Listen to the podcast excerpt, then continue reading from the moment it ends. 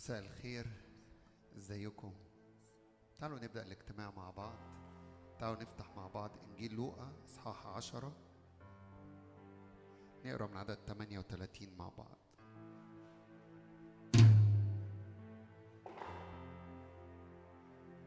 إنجيل لوقا أصحاح عشرة معنى صغير ونقف نعبد ربي مع بعض. عدد 38 بيتكلم عن يسوع فيما هو سائرون دخل قرية فقابلته امرأة اسمها مرسى في بيتها وكانت لهذه أخت تدعى مريم التي جلست عند قدمي يسوع وكانت تسمع لكلامه. وأما مرسى فكانت مرتبكة في خدمة كثيرة فوقفت وقالت يا رب أما تبالي بأن أختي قد تركتني أخدم وحدي؟ فقال لها فقل لها أن تعينني. فأجاب يسوع وقال لها مرثى مرثى أنت تهتمين وتضطربين لأجل أمور كثيرة ولكن الحاجة إلى واحد. فاختارت مريم النصيب الصالح الذي لن ينزع منها. إيه المعنى؟ المعنى اللي جوايا والمعنى اللي محتاجين نقف بيه اللحظات الجاية دي قدام الرب إنه كل أمور أنا وأنتم مرتبكين بيها. مرسى ومريم كانوا إخوات موجودين في بيت واحد ويسوع موجود في البيت. في واحدة اهتمت إنها تعمل ليسوع أكل تخدم الرب.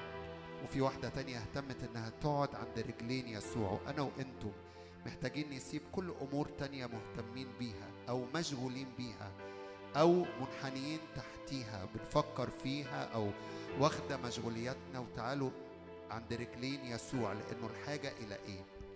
الحاجة إلى واحد. فتعالوا نقف مع بعض اللحظات دي كده وكل أمور أنت مرتبك بيها كل أمور أنت مشغولة بيها الحاجة إلى واحد. ده اختيار أنا وأنتم بنختاره زي ما مريم اختارت النصيب الصالح الذي لن ينزع منها.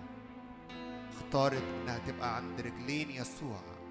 أنا وأنتم بنختار اللحظات دي أن نتقدم إلى هيكل الرب إلى بيت الرب إلى قدس أقداس الرب.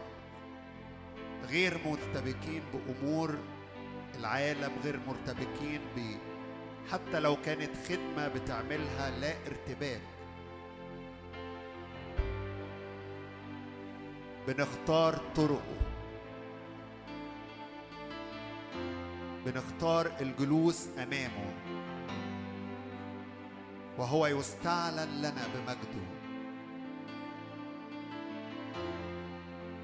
اختارت مريم النصيب الصالح الذي لن ينزع منها. المحبة لن تنتزع.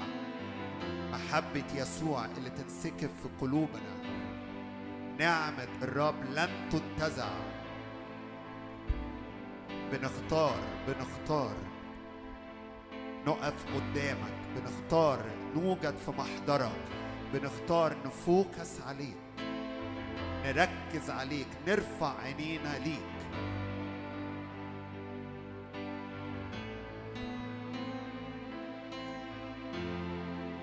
خد لحظات كده تقدم بإيمان وبثقة. اختار إنك تبقى في هذه اللحظات أمام وجه الرب.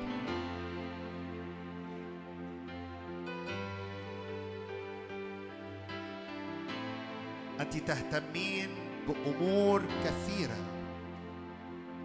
يمكن مشغول بأمور يمكن بتفكر في أمور في بيتك في شغلك في ترتيباتك في احتياجاتك.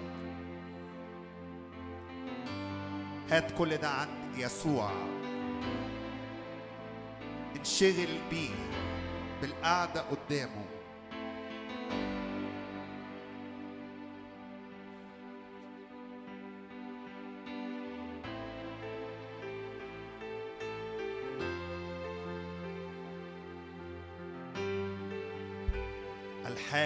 واحد اللي عنده حل لكل أمورك اللي عنده تسديد لكل احتياجاتنا. اللي مليان بهاء ومجد. نعم بنتقدم نعم بندخل أمامه. نتراءى أمام الرب وجها لوجه.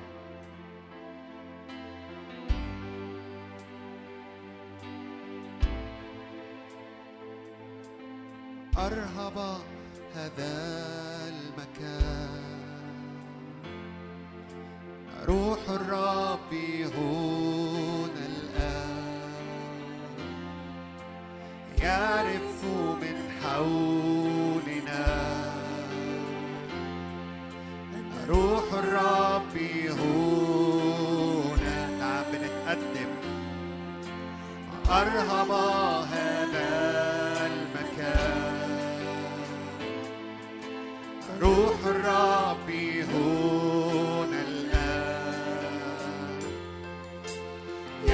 يعرف من حولنا روح الرب.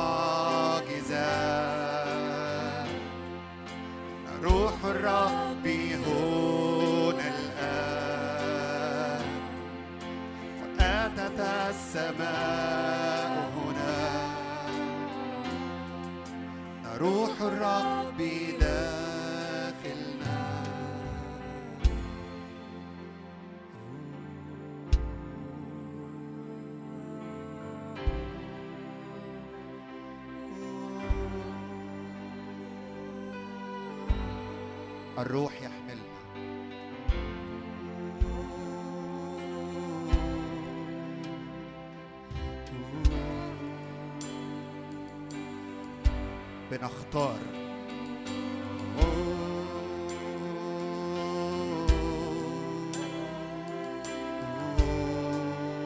بنختار إن الروح يحملنا.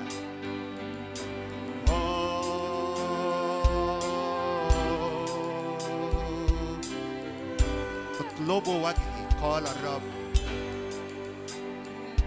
اطلبوا وجهي. وجهي يسير فيريحك. تطلبوني تجدوني إذ تطلبوني بكل قلوبكم.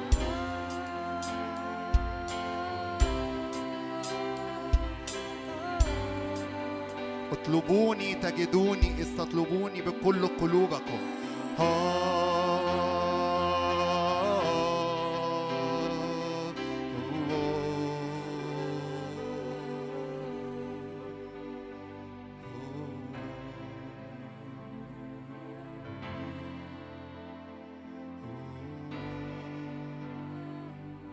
بالهدوء بالسكون بتجدد قوتنا.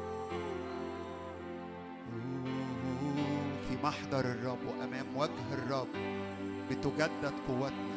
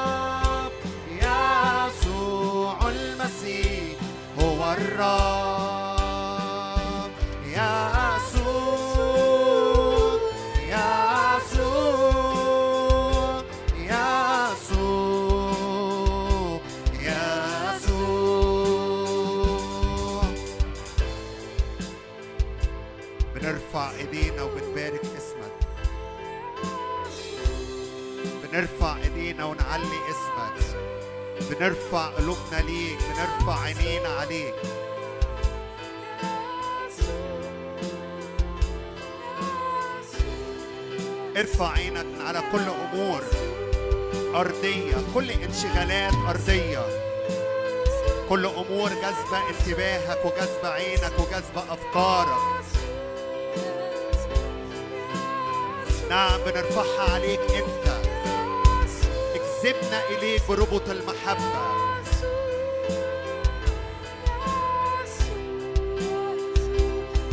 اكذبنا إليك بربط المحبة.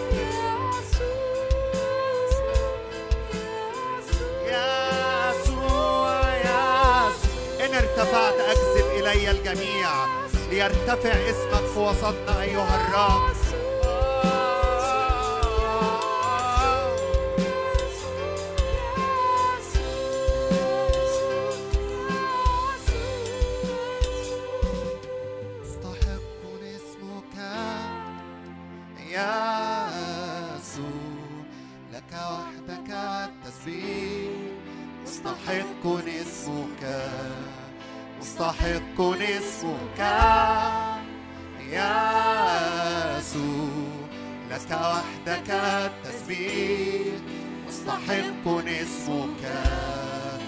مستحق اسمك يا يسوع.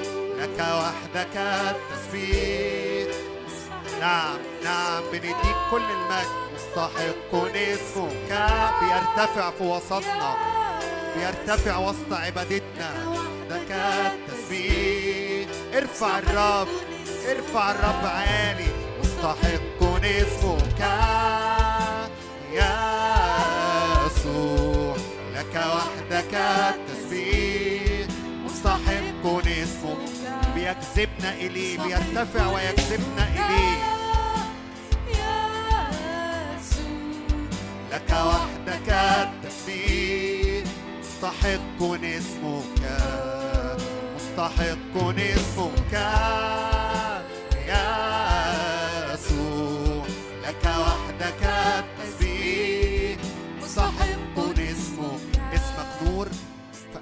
يهرب. كل ظلام. اسمك عمانوئيل فأمامك تهرب كل مشاعر بالوحدة. الله معنا. ارفع ارفع اسم الرب ومجد الرب عالي. تهرب الظلمة من أمامه. مستحق اسمك. يسوع لك وحدك التسبيح.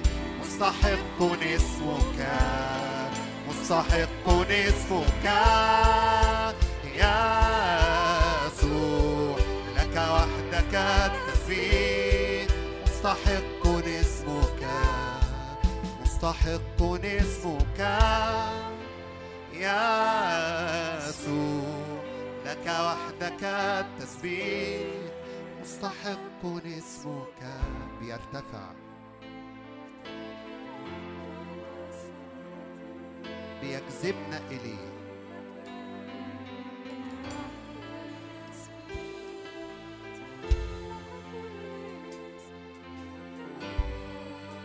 اسمه فوق كل اسم فوق كل قوة.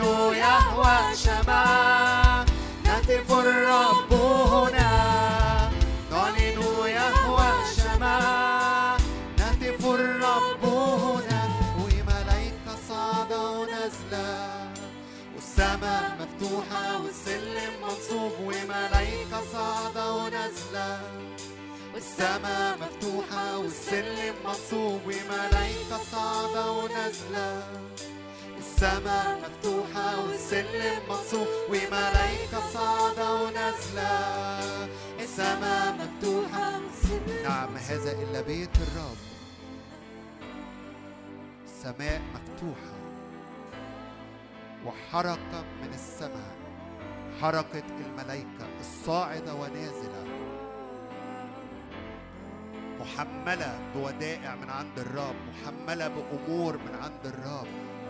محملة بفرح محملة بحرية محملة بمجد.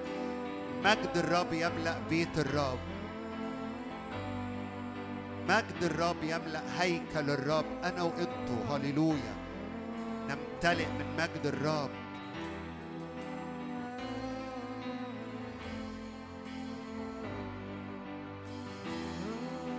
كان الرب في وسط شعبه. كان حضور الرب في وسط شعبه في العهد القديم بعمود سحاب اللي يغطيهم من حر الشمس في النهار وعمود نار اللي يضيء ليهم بالليل في كل ظلام. اعلن كده مجد الرب يغطي حياتي. مجد الرب يغطي حياتي من الشمس الحارقة. مجد الرب وسحاب مجد الرب يغطي حياتي. كل الظلمة محيطة الظلمة اللي بتغطي وجه الأرض. عمود نار يضيء أمام وجهي اعلن واعلني هو ده مجد الرب استعلان الرب بمجده ببهائه بنوره.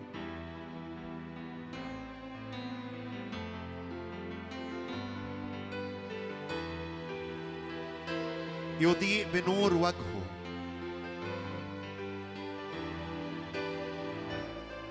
شمس البر يشرق على حياتنا.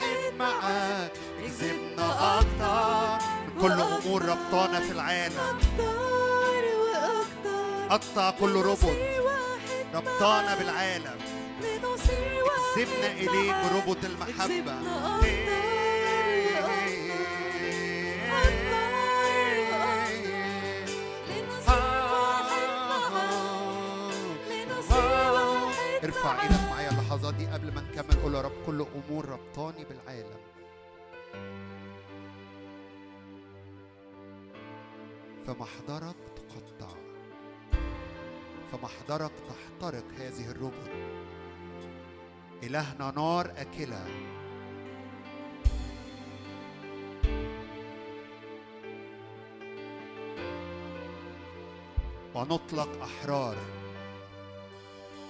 ويحملنا الروح إلى حيث يشاء.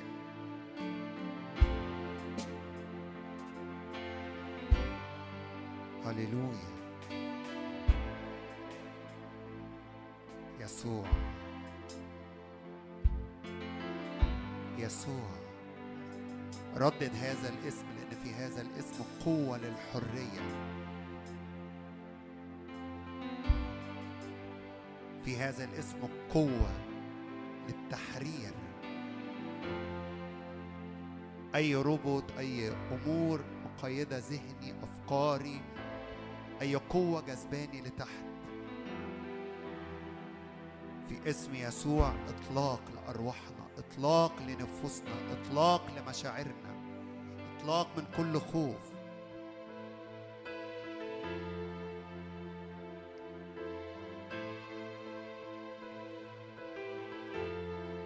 كل أراضي استنزاف الرب يطلقنا لنخرج منها. اطلق شعبك اطلق ولادك اطلق عروستك إلى أرض الشبع إلى أرض الراحة إلى أرض تجدد فيها قوتنا. لا استنزاف بل تجديد للقوة. لا ظلم بل الرب يكون نور لنا. سحاب مجد الرب يغطي. يغطي أراضينا يغطي حياتنا.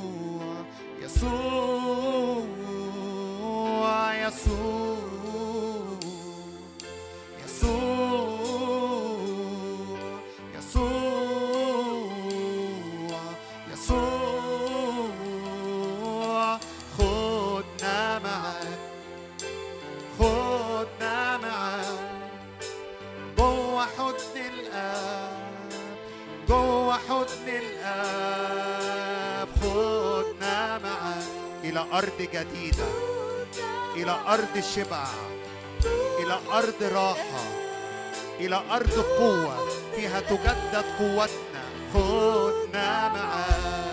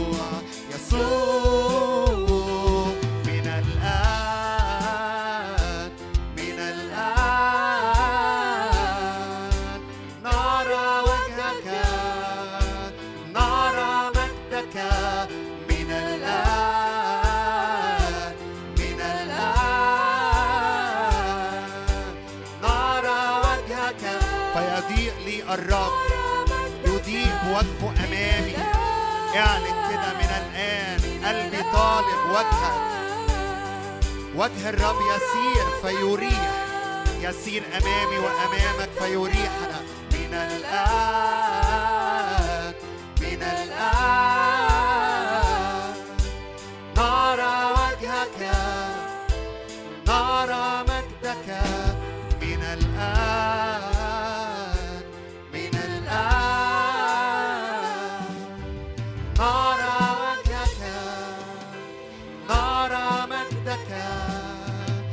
Jesus.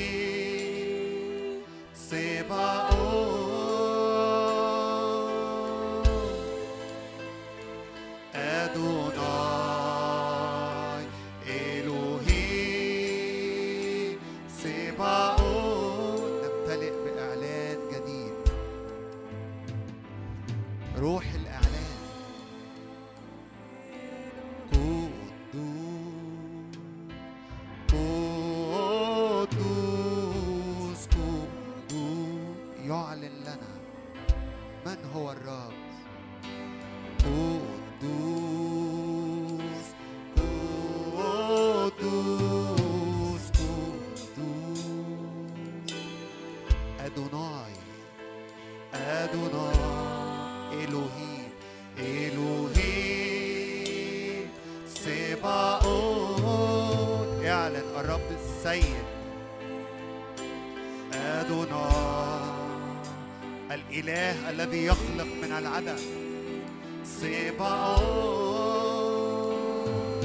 هو يسود على حياتي. أدونا ويخلق من العدم. يدعو الأشياء الغير موجودة وكأنها موجودة كمان مرة إعلن. قول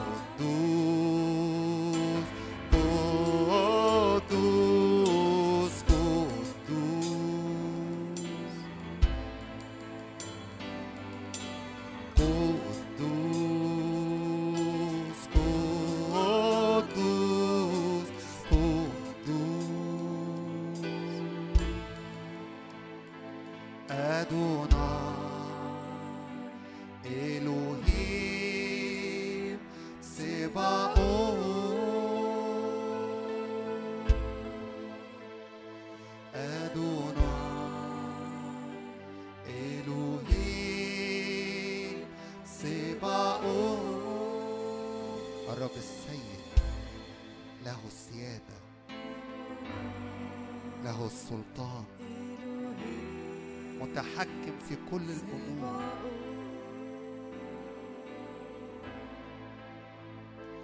أدوناي إلهي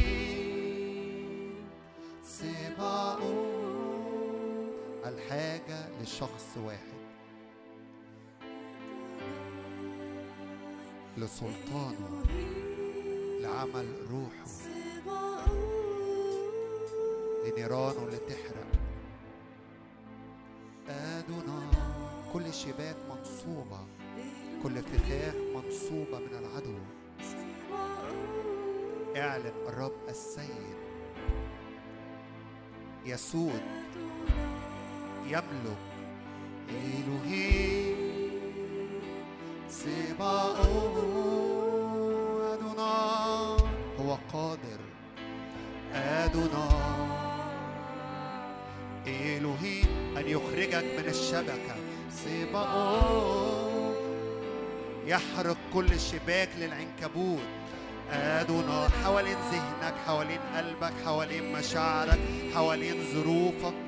سباؤون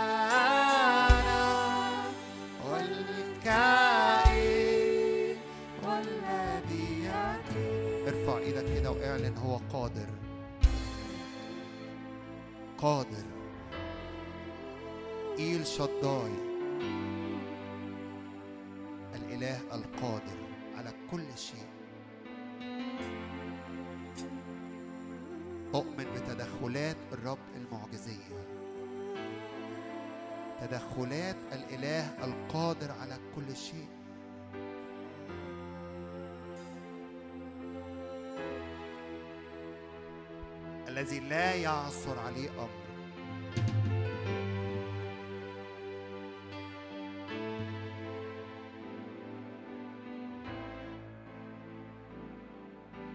لك ذراع القدرة قوية يدك مرتفعة يمينك مرتفعة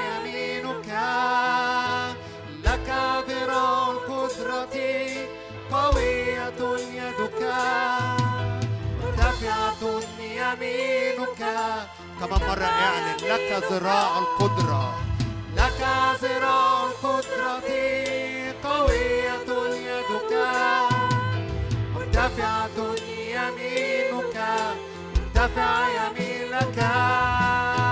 لك ذراع القدرة قوية يدك أيها الرب.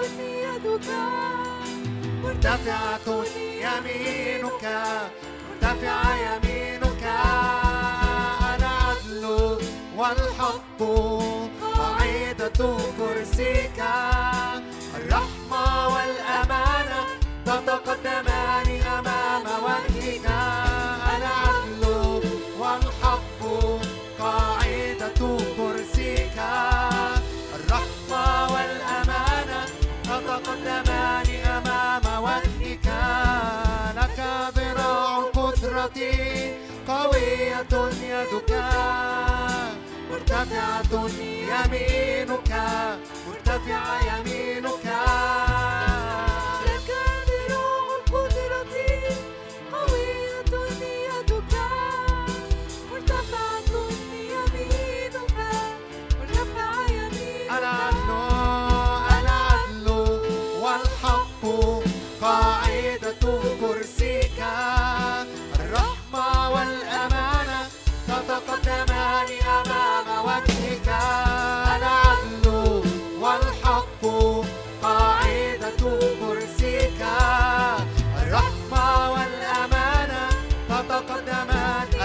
والحق قاعدة كرسيك أيها الرب.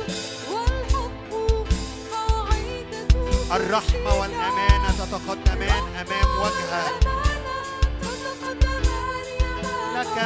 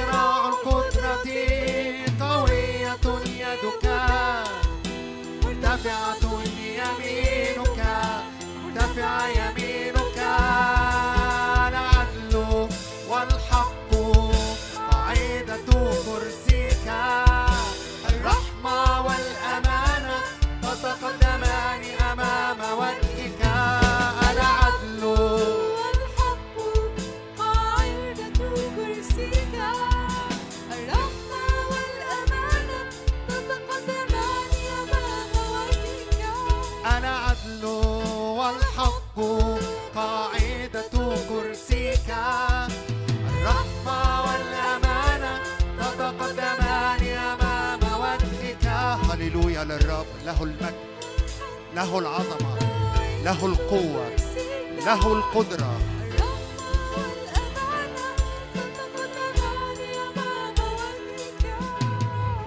الرب وحدك أنت وليس غيرك إياك نعبد لك وحدك نسجد.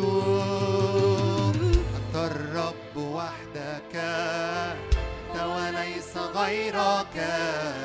إياك نعبد. لك وحدك نسجد. أنت الرب وحدك. أنت الرب وحدك. أنت وليس غيرك. إياك نعبد. لك وحدك نسجد. مستحق تكتب كل رب ويعترف. كل لسان أنك وحدك الإله أنك وحدك الإله. مستحق تكتب كل رب ويعترف كل لسان أنك وحدك الإله أنك وحدك الإله. مستحق أن تكتب كل رب ويعترف كل لسان أنك وحدك نرتفع اللهم على السماوات وليرتفع على كل الأرض.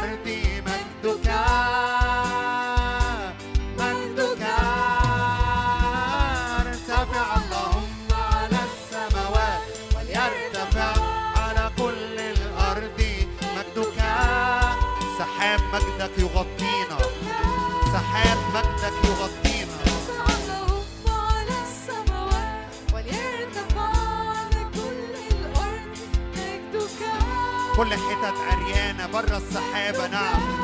بنيجي تحت السحاب ارتفع اللهم على السماوات وليرتفع على كل الأرض. مجدك كل حتت عريانة فينا. بنيجي تحت سحاب مجدك نتغطى ارتفع اللهم على السماوات وليرتفع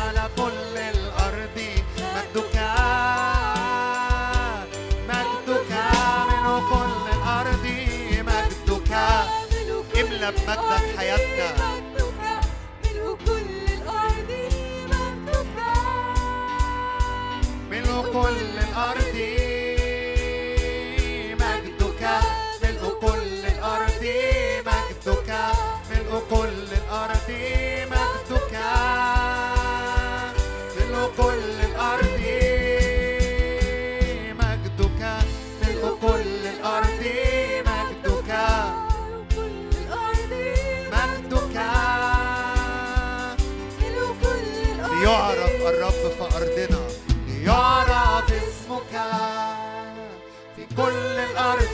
ليعرف اسمه في أرضنا.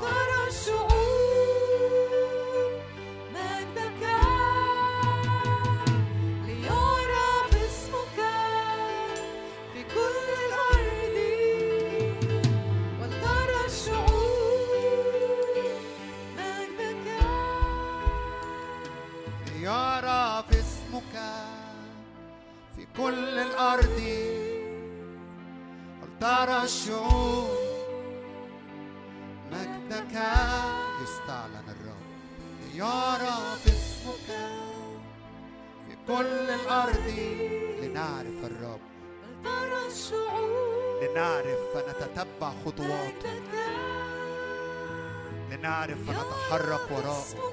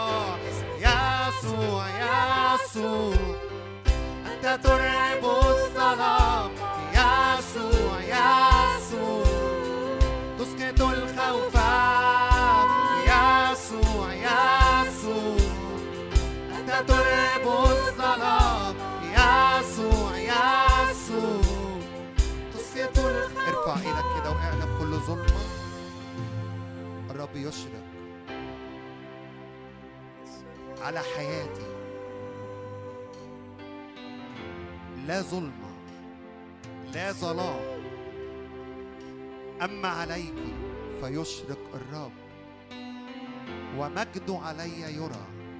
مجد عليك يرى. مجد عليك يرى. ارفع إيدك كده واعلن. مجدك علي يرى. نورك على أرض يشرق. مجدك على أرض يشرق.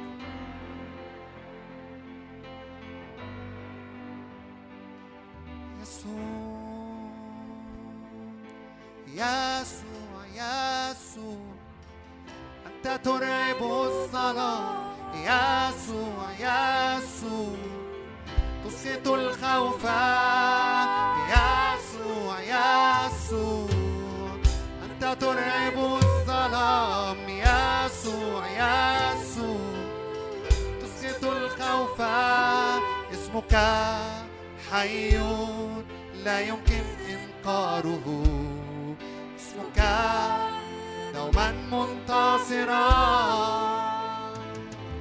اسمك حي لا يمكن إنكاره.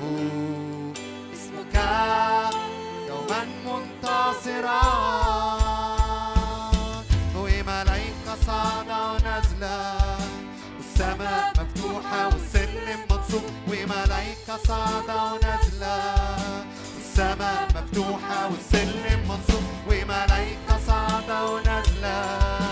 السماء مفتوحة والسلم منصوب وملايكة صاعدة ونازلة. السماء مفتوحة وصلنا وصلنا وصلنا وصلنا ليسوع. وصلنا وصلنا لمن يستعلم ملك المجد. وصلنا وصلنا وصلنا ليسوع وصلنا وصلنا لملك الملوك ترتفع الابواب الدهريات فيدخل ملك المجد ترتفع الابواب الدهريات فيدخل ملك ترتفع الابواب الدهريه ويدخل ملك المجد يدخل ملك ترتفع الابواب الدهريات فيدخل ملك المجد من هو هذا ملك المجد رب الجنود هو ملك المجد من هو هذا ملك المجد يسوع المسيح هو ملكنا من هو هذا ملك المجد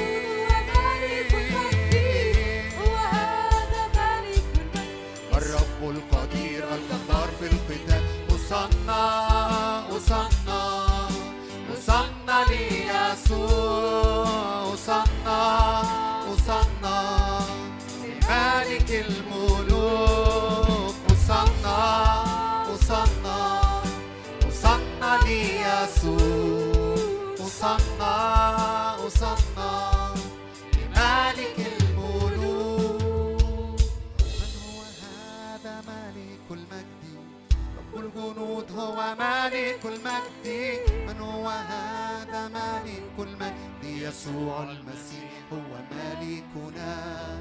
من هو هذا ملك المجد رب الجنود هو ملك المجد من هو هذا ملك المجد الرب القدير الجبار في القتال. يا رب أنت تغمس يا رب في الزيت أرجلنا. يا رب انت مش بس زي ما عملت مع التلاميذ وغسلت رجليهم بالمية يا رب عشان وسخ الطريق لكن انت كمان يا رب بتغمس في زيت رجلي يا رب.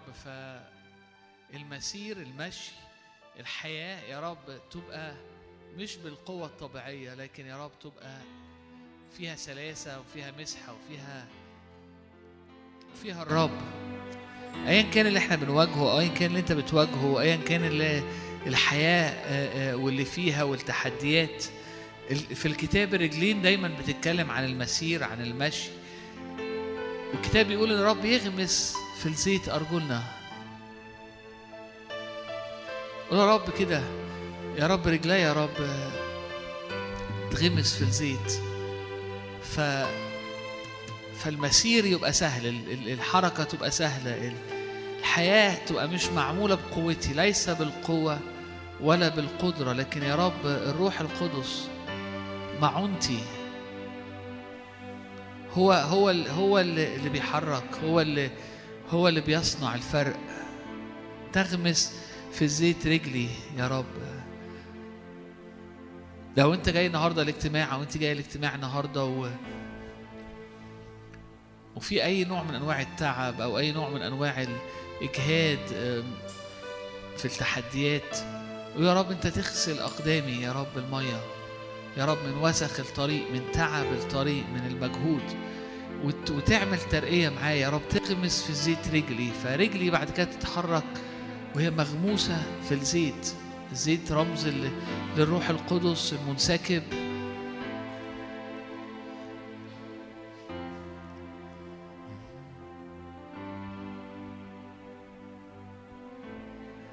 تعالى يا رب علينا تعالى على الحياة العملية. يا رب النهاردة نور عن يا رب أذهاننا يا رب عشان نرى إن أنت في الأمور الصغيرة إن أنت متداخل يا رب في الحياة اليومية إن أنت متداخل في البيت وفي الشغل وفي العلاقات وفي العيلة وفي الخدمة وفي العبادة و... لتكن كل أمورنا يا رب معمولة بيك مصنوعة بيك فالحياة تبقى سهلة. مش لأن الظروف سهلة لكن لأنه ال- أرجلنا مغموسة في الزيت فالحركة سهلة. يجعل قدمي كالايائل فيمشيني على مرتفعاتي فالمرتفعات ما تبقاش حاجة صعبة. الأيائل بتمشي الأيائل بتتحرك بسهولة قوي على المرتفعات. هي لسه مرتفعات هي لسه بالنسبة لب- للبشر هي مرتفعات فصعبة فما ينفعش يتمشي عليها لكن لما تبقى أرجو رجليا كالايائل تبقى المرتفعات مش مرتفعات لأنه بيمشيني عليها تبقى سهلة. فيا رب تعالى اعمل نقلة يا رب في حياتنا تعالى افتح عينينا نور أذهاننا يا رب ف يا رب فنفهم إنك أنت متداخل يا رب في أمورنا اليومية. وإنك عندك يا رب القدرة وعندك المشيئة وعندك المقاصد إنك تغمس في زيت رجلي فحتى تربية الأولاد أو العناية بأهلي تتعمل. يا رب زيت مغموس أو رجل مغموسة في زيت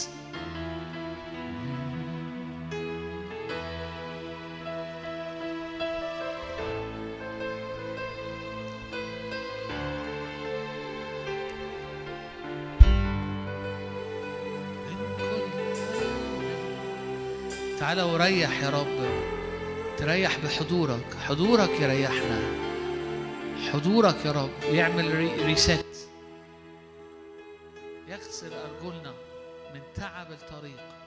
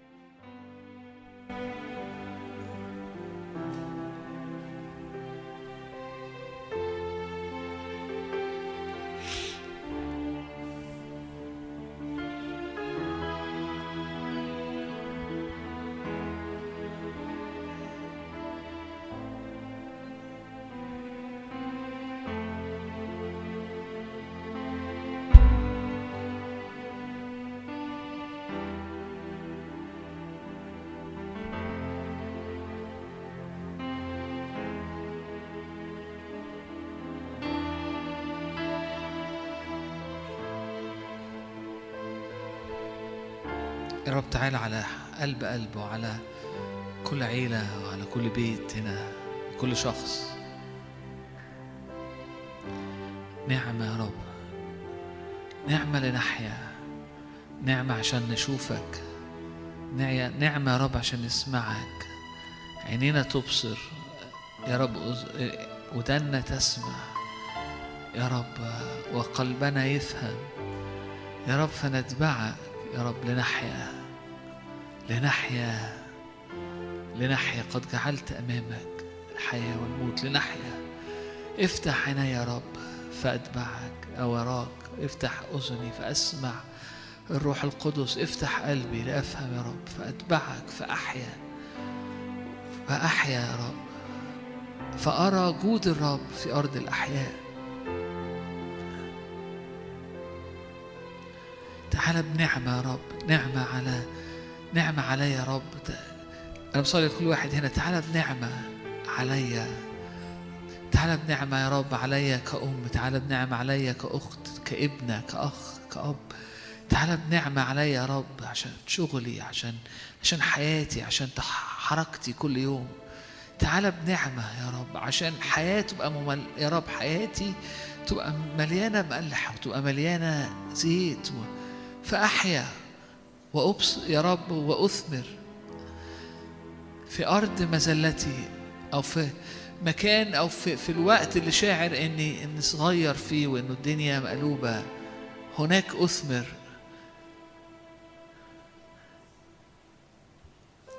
أشكرك لأنه يا رب يا رب أنت دايما عندك way out دايما عندك يا رب طريق للنجاة ودايما عندك يا رب أفكار سلامة على حياتنا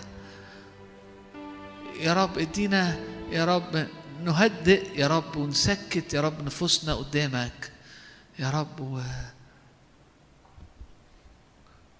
وتوقظ لينا يا رب في الوقت ده أذان للسمع وعيون يا رب لتبصر يا رب لتبصر القدير وودان يا رب لتسمع يا رب كلمات من فمك يا رب فنفهم ونحيا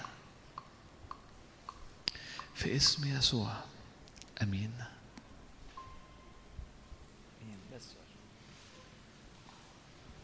الله يا اشرف الحقيقة أنا كنت ناوي إنه إنه أعمل حاجة قبل ما ما, ما أبتدي أتكلم. كان في كنت عايز كام حد يشارك معانا النهارده. آه يشارك معانا حاجات عن يعني تأملات معينة أكتر من من حد. بس للأسف أنا وساعات بيحصل كده إنه ساعات كتيرة وبعد كده كنت هتكلم أنا بس ساعات ربنا بيغير شوية حاجات. فغالبا الناس اللي كانت المفروض تتكلم هن هن هنأخر ده الأسبوع الجاي. حاسس إنه في حاجة الرب عايز يعملها النهارده. آه يعني خاصة. حاسس ب, ب يعني شاعر بحضور الرب شاعر ب يعني شاعر انه اجتماع كده في حاجة خاصة يعني هن هنشوف يعني. هبتدي على طول في تكوين 30 إصحاح 30 عدد 22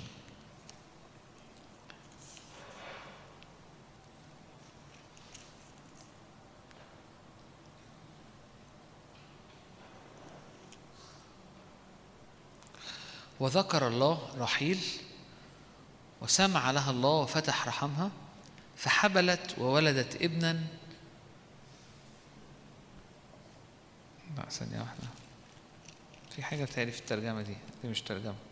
عشان كنت بقرا من الشاشة مش بطلع بس هطلع الآية لأنه. وسمع لها فتح رحمها فحبلت ولدت ابنا فقالت قد نزع الله عاري ودعت اسمه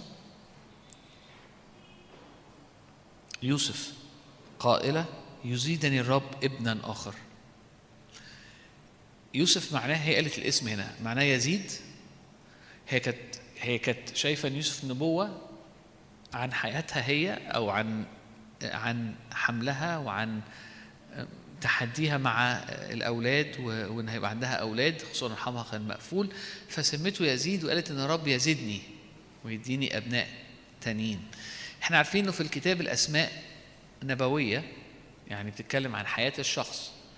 فمثلا سموا يعقوب يعقوب لأنه حياته كانت لأنه كان يتعقب. وفعلا حياته كانت كلها إنه بيتعقب. ولما الرب قابله في وقت غير اسمه من يعقوب إلى أمير مع الله. شخص بيملك وأمير مع الله. وفعلا دي كانت بعد شوية تغيير لحياته وهو حياته اتغيرت. يوسف يعني يزيدني الرب. فالكتاب بيدينا نبوة عن حياته إن حياته هتكون في الازدياد إن حياته هتكون في زيادة. في زيادة في زيادة. ينفع نحط عليها نقول عليها إنه حياته تكون من مجد لمجد. مش كده؟ يزيدني الرب يعني أنا عندي النهاردة وبكرة يزيدني وبعده يزيدني. فحياتي تبقى وتكون في الارتفاع فقط. ولا تكون في في في الانحطاط أو ده معنى اسم يوسف يزيدني الرب. تثنية 28 إصحاح 13 إصحاح البراءة عدد 13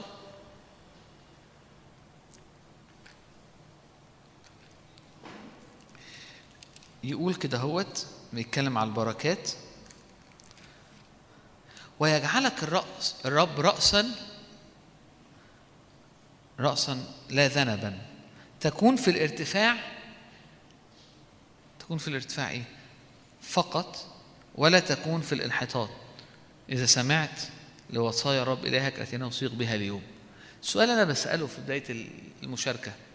هو حياة يوسف كانت من مجد المجد ولا لأ؟ ده اسأل نفسك وخلي الإجابة عندك. بس فكر فيها هل حياة يوسف كانت من مجد المجد؟ هل حياة يوسف كانت يزيدني الرب في الزيادة؟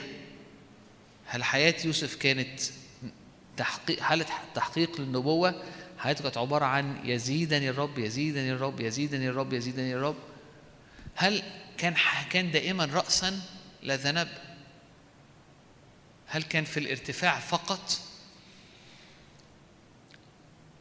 ومش في أي وقت في انحطاط أو في الانحطاط ولا كانت حياته في الارتفاع وفي الانحطاط. وفي أوقات كان في زيادة وفي أوقات كان في نقصان.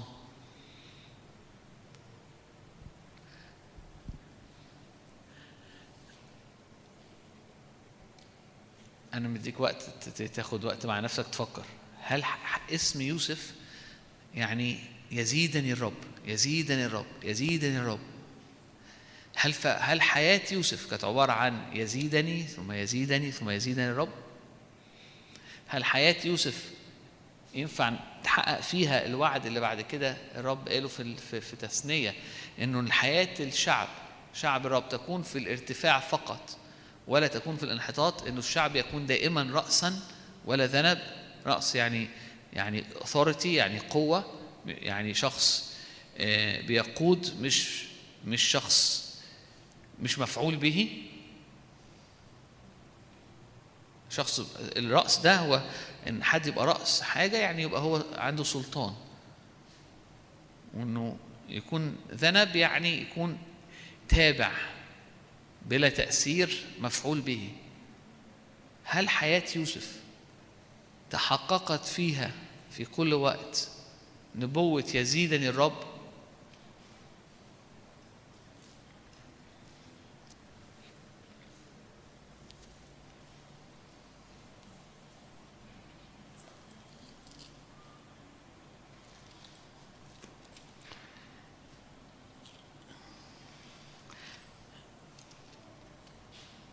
لو كان معاك ورق وقلم كنت أقول لك اكتب إجابتك في ورقة وخليها معاك.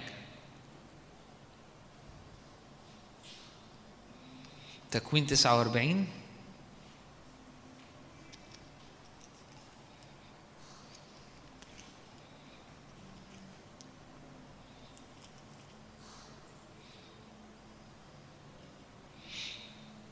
عدد 22 يوسف. غصن. شجرة مثمرة.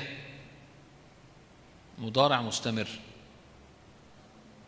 يعني هنا هنا دي كلمة نبوية عن حياة يوسف وعن حياة الشعب بعد كده. شعب اللي هو أبناء يوسف. فبيقول على يوسف إيه؟ إن يوسف غصن شجرة مثمر. دي حياته دي كانت حياته. حياته كانت مكملة في ثمر طول الوقت. طبعا لما تقرأ طبعا كلمة غصن المفروض توقفك. ليه؟ لأنه لو تقرأ اشعياء هتعرف إن المسيا كان في نبوة قوية عنه إنه هو ده الغصن. اليهود كانوا كان كلمة غصن بالنسبة لهم كان الرجل الغصن هو المسيا اللي سيأتي فكلمة غصن كلمة مميزة جدا في الكتاب. فلما الروح القدس اختار كلمة غصن فدي كلمة على طول هي ظلال للمسيا للعبد عبد الرب أو الغصن اللي هيكون بيثمر ويحقق مشيئة الرب. فيقول لك إن غصن شجرة مثمرة. غصن شجرة مثمرة على عين. طبعا الأغصان اللي على عين هي أغصان دايما بتزدهر. طول ما العين طول ما في مية فهي. من من ازدهار لازدهار أكتر. هي كل شوية عمالة تكبر هي كل شوية عمالة تعلى. فهو هنا بيقول لك إن خلي بالك يوسف غصن شجرة غصن شجرة مثمرة والغصن ده على عين. يعني إيه غصن على عين؟ يعني الغصن ده في الارتفاع في الزيادة. لأن هو طول الوقت على عين فمادام العين موجودة في الشجرة كل سنة والغصن كل سنة بيكبر وبيقوى وبيبقى أكثر إثمار وأكثر جمال. فالروح القدس هنا بيقول لك إنه يوسف فعلا كان عايش حياة في الازدياد في الارتفاع. يزيدني الرب. غصن شجرة مثمرة غصن شجرة مثمرة على عين اثر وبعدين قال لك كده.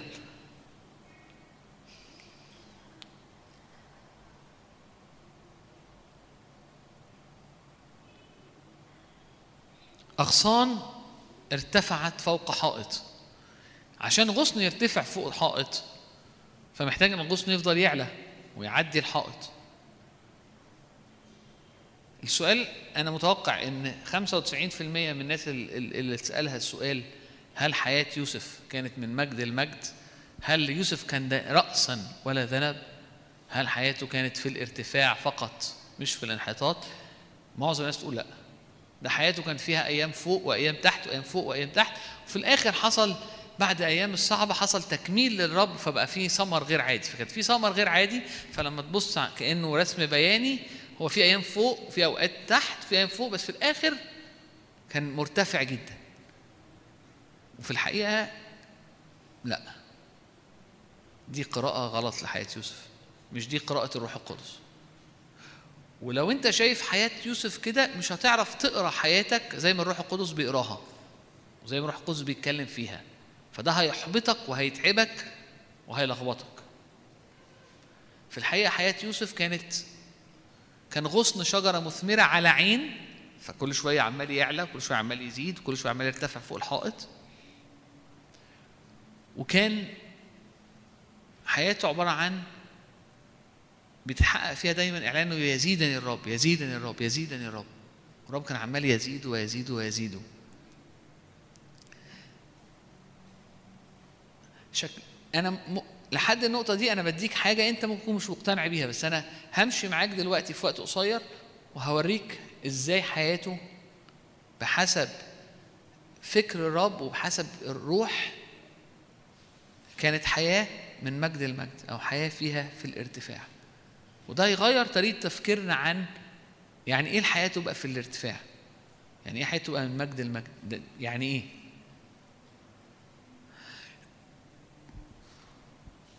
أول أول نقطة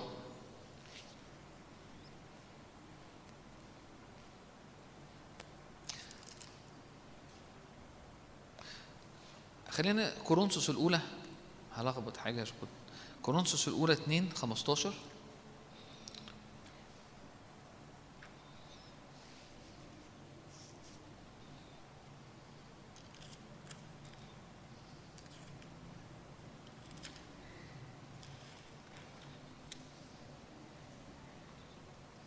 ولكن الإنسان الطبيعي لا يقبل ما لروح الله لأن عنده جهالة يعني يعني كأنك أنت عندك آه، إرسال وعندك ريسيفر من نوع عندك ريسيفر بتاع راديو راديو ترانزستور وعايز تستقبل بيه صورة دش عارفين الدش بتاع؟ عارفين جهاز استقبال بتاع الدش اللي كان اللي كان في وقت مشهور قوي الدش وجهاز الاستقبال بتاعه الريسيفر بتاع الدش. انت ما عندكش ريسيفر بتاع الدش انت عندك جهاز راديو ترانزستور. فرفعت الاريال وعايز تستقبل قناة أي قناة مسيحية مثلا قناة الحياة أو قناة ال... ال- قناة سات 7 أو الكرمة على التليفون. التليفون على سوري على الراديو ترانزستور. هتستقبل حاجة؟ لا. ليه؟ لأنه ده مش جهاز استقبال. هنا هو بيقول لك كده بيقول لك إنه إنه الإنسان الطبيعي عنده جهالة ما يقدرش يستقبل ما للروح ما يقدرش يرى ما يقدرش يحكم ما يقدرش يفهم. لا يقدر أن يعرفه لأنه إنما يحكم فيه روحيا. يعني اللي ينفع يحكم واللي يعرف ينفع يرى وينفع يقضي ويشوف ويحكم ويفهم هو الروح. والإنسان الروحي. لأن الإنسان الطبيعي ما عندوش القدرة إنه يفهم ويحكم في الأمور. أما الروحي فيحكم في كل شيء. طبعا إحنا بنقرأ بنفتكر إن الإنسان الروحي ده شخص والإنسان الغير روحي ده شخص بس هو في الحقيقة ممكن تتكلم فيها إنه إحنا جوه كل واحد فينا ينفع نحكم على الأمور بطريقة جسدية؟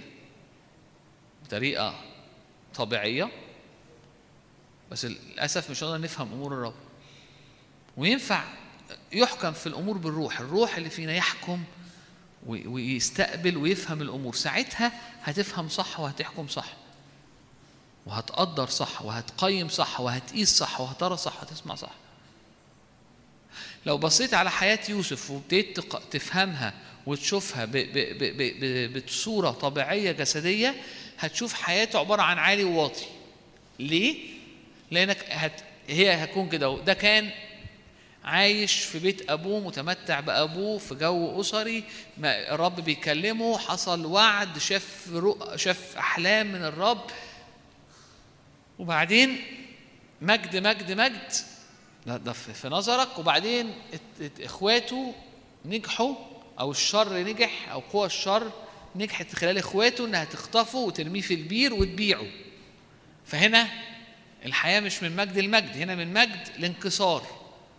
واتباع وراح اشتغل عبد. فالحياة دي فهنا هو في انحناء. وعاش هناك وابتدى يعلى تاني شوية بشوية بس طبعا مش زي العلو اللي كان فيه قبل كده. ابتدت الدنيا تتحسن معاه تزهزه معاه الدنيا بقت أحسن ابتدى ياخد مكانة بقى مسؤول عن بيت آه، فوتيفار ابتدى يحصل علو. وبعدين امرأة شريرة هي في غير بر وهو في البر ورغم كده نجحت أو أو أو أو لما اختلفوا هي طريقها هي اللي سلك ورمته في السجن. مع إن هي المفروض كانت تتحاكم وهو المفروض يكمل. فإيه؟ انحناء تاني. وفي السجن ابتدى يعني الدنيا كانت أحسن شوية وابتدت تعلى معاه لحد ما فجأة من السجن خرج للملك. فحياته كان طالع ونازل وطالع ونازل. طبعا النقطة الأخيرة هي أعلى نقطة. ومن هنا ابتدى. ده حكم إيه؟ ده حكم جسدي بنحكم بالطريقة دي إيه ليه؟ لأنه لما بنحكم بالطريقة دي طريقة طبيعية فيها جهالة. زي بالظبط أنا بحكم ساعات على حياتي بظروفها. الدنيا كانت عاملة كذا وشغلي كان كويس كنت بقبض كذا ودلوقتي الظروف مش عارف كذا والعيال كذا فأنا عمال أحكم على الأمور باللي أنا حاسه باللي أنا شايفه باللي أنا بحسب الظروف اللي بعينيا لما بحكم على الحاجة بالطريقة دي بيحصل إيه؟ ببص على كده بقول إيه ده الوعد مش بيتحقق بيبتدي حياتي كمان إيماني وتفكيري لأني ببص على الأمور بعينين طبيعية وبجهالة فده يبوظ يعني يعني كأنه بياكل في الإيمان وبياكل في الرؤية وبياكل وبيه يعني كأنه بيهاجم أمانة الله فيا يقول الله مش أمين معايا قال من مجد المجد الرب قال كذا حياتي. النظرة دي مش كتابية لأنه في الحقيقة نظرة الروح القدس لحياة يوسف إنه يزيدني الرب من زيادة زيادة زيادة. إنه إنه إنه غصن هو طول الوقت غصن وعلى عين. فهو دايما ورقه أخضر ودايما مثمر وال- وال- والثمر بيزيد. والأغصان دي هترتفع فوق حائط. طب ممكن تقول لي إزاي هو كان رأس لا ذنب؟ أقدر أقول لك آه. هبتدي من النقطه دي هبتدي من نقطه في بيت أبوه كان في حضور إحنا اتكلمنا المرة اللي فاتت عن عن الرداء. كان في حضور قوي من الرب على حياته كان في حاجة مختلفة كان في سلطان. أبوه شاف ده وميزه فاداله رداء مش كده؟ وخل والرداء كان علامة عن السلطان. لكن لما نزل مصر كان في حضور وكان في سلطان. بالعكس الحضور والسلطان زاد. تقول لي مين قال لك إنه زاد؟ أقول لك وهو وهو في بيت أبوه الكتاب ما شرحش ما, ما قالش غير إنه غير اتكلم عن شوية حاجات عنه لكن أول لما جه مصر يقول الكتاب إنه كان الرب مع يوسف فكان رجلا ناجحا. يعني يعني النجاح الأولاني كان نجاح في ظروف سهلة في أرض سهلة في موسم سهل. لكن لما راح مصر برغم إن الدنيا أصعب والظروف صعبة المفروض نفسيته تبقى في حتة وحشة. حصل إيه؟ في حضرة إلهية قوية لسه معاه واضحة جدا جدا لدرجة إن الناس المصريين اللي هم المفروض ما بيحسوا المفروض إنهم أسوأ من إخواته. فجو أسوأ. شعروا ورأوا إن الرب معه وإن الرب ينجحه. وبسبب السلطان اللي على حياته ابتدى يعلى بسرعة جدا في مصر وهو عبد. ده جاي جاي من إيه؟ جاي من هو مثمر الإثمار بتاعه في في في مصر أعلى حتى كأن في ترقية في الإثمار وترقية في السلطة عن مكان والسلطان عن مكان في بيت أبوه في أرض غربة أبوه. في حاجة زادت رغم إن الظروف أوحش. لكن السلطان أعلى والإثمار أعلى. لحد ما حتى فوتيفار شاف ده. واداله وقال لك إيه؟ خلي كل اللي خلي كل اللي عندي في إيده. لأن الرب معاه ولأن في بركة غير عادية في إيده. فيقول لك ما كانش عارف حاجة كان مديله كل حاجة وسايبه يدير كل حاجة. ليه؟ وده راجل مش مش مش مصري زيه. وراجل ما يعرفش قصته. وراجل جاي عبد وما بقالوش كتير. لأنه في الحقيقة في لأنه في الحقيقة كان مليان سلطان كان مليان حضور إلهي وفوتيفار نفسه كان بيقول إيه؟ كان بيقول لك ده كان انه إنه ده في ده في حاجة مختلفة. والروح القدس يقول لك كان الرب مع يوسف فكان رجلا ناجحا. هنا زيادة ولا مش زيادة؟ زيادة في الإسمار؟ آه. زيادة في السلطان؟ آه. رغم إن الظروف وحشة. رغم إن الأج... ال... ال... ال... ال... لكن قبل كده كان مرتاح أكتر. السرير اللي كان بينام عليك أكيد كان أحلى. آه، آه، البرستيج بتاعه كان أعلى. بس هم الروح القدس مش بيقيس بالطريقة دي. حضور الرب أنا رأيي إنه كان زاد. سلطان الرب عليه زاد. ال- اللي كان حاصل في روحه كان بيزيد. لأنك أنت أنت ممكن تنتصر في أرض سهلة لكن عشان تنتصر بعد كده في أرض صعبة أنت لازم تكون كبرت. طب السجن أصعب. يقول لك بقى لو ادرس ورايا هتلاقيه أو اقرأ ورايا هتلاقي إن بيقول له إيه؟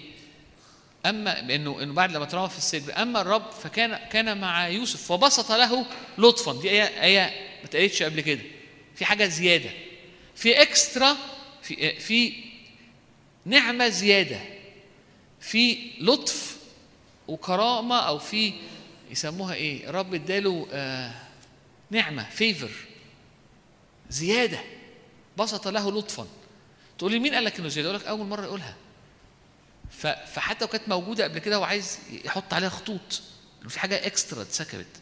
أما الرب ف فبسط له لطفا. في جو السجن الدنيا أوحش بقى. يعني مساجين حتى والناس محترم مساجين وجو والراجل السجان واللي مسؤول على السجن دي أجواء تانية بقى خالص غير حتى أرض العبودية. إيه اللي حصل هناك الس- ال- ال- ال- الراجل مسؤول السجن. شاف نعمة عليه وشاف سلطان وشاف قوة فاداله كل حاجة.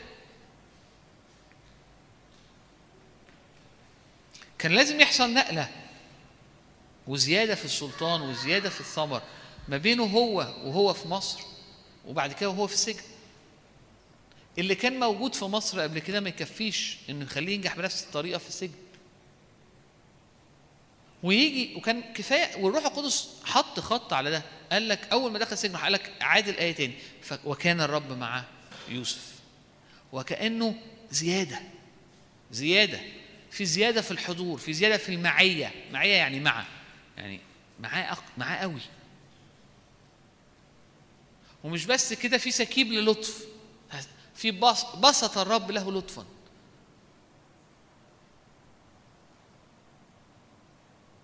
الأغصان بترتفع ولا بترتفع.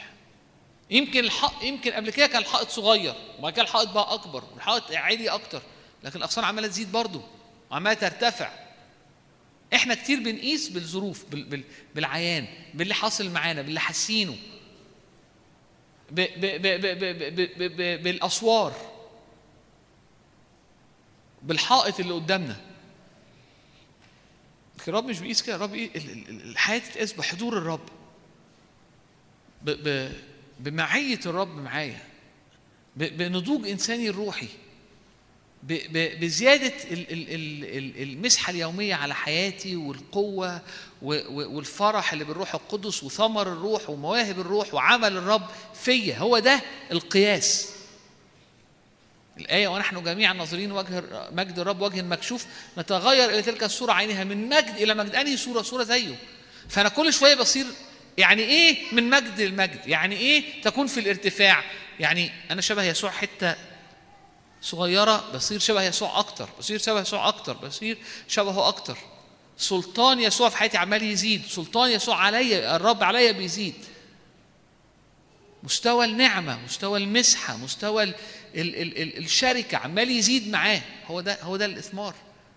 هو ده اللي من مجد المجد هو ده اللي من قوة القوة هو ده اللي اللي اللي, اللي فتكون في الارتفاع فقط. هو ده اللي لكن الظروف ممكن تتغير. ولا تكون في الانحطاط. كان رأس ولا كان رأس. كان في بيته في سلطان كان مع فوتيفار عنده سلطان وكان عنده سلطان على مرات فوتيفار. هو ما يمشيش وراها. هي واحدة كل يوم بتقول له نفس الحاجة. بتضغط على نقطة احتياج. وهو بالعيان شكله هو الأقل. حتة واحد مسبي شغال عندهم. مرارا ومرارا وتكرارا. هو كان عنده سلطان عليها.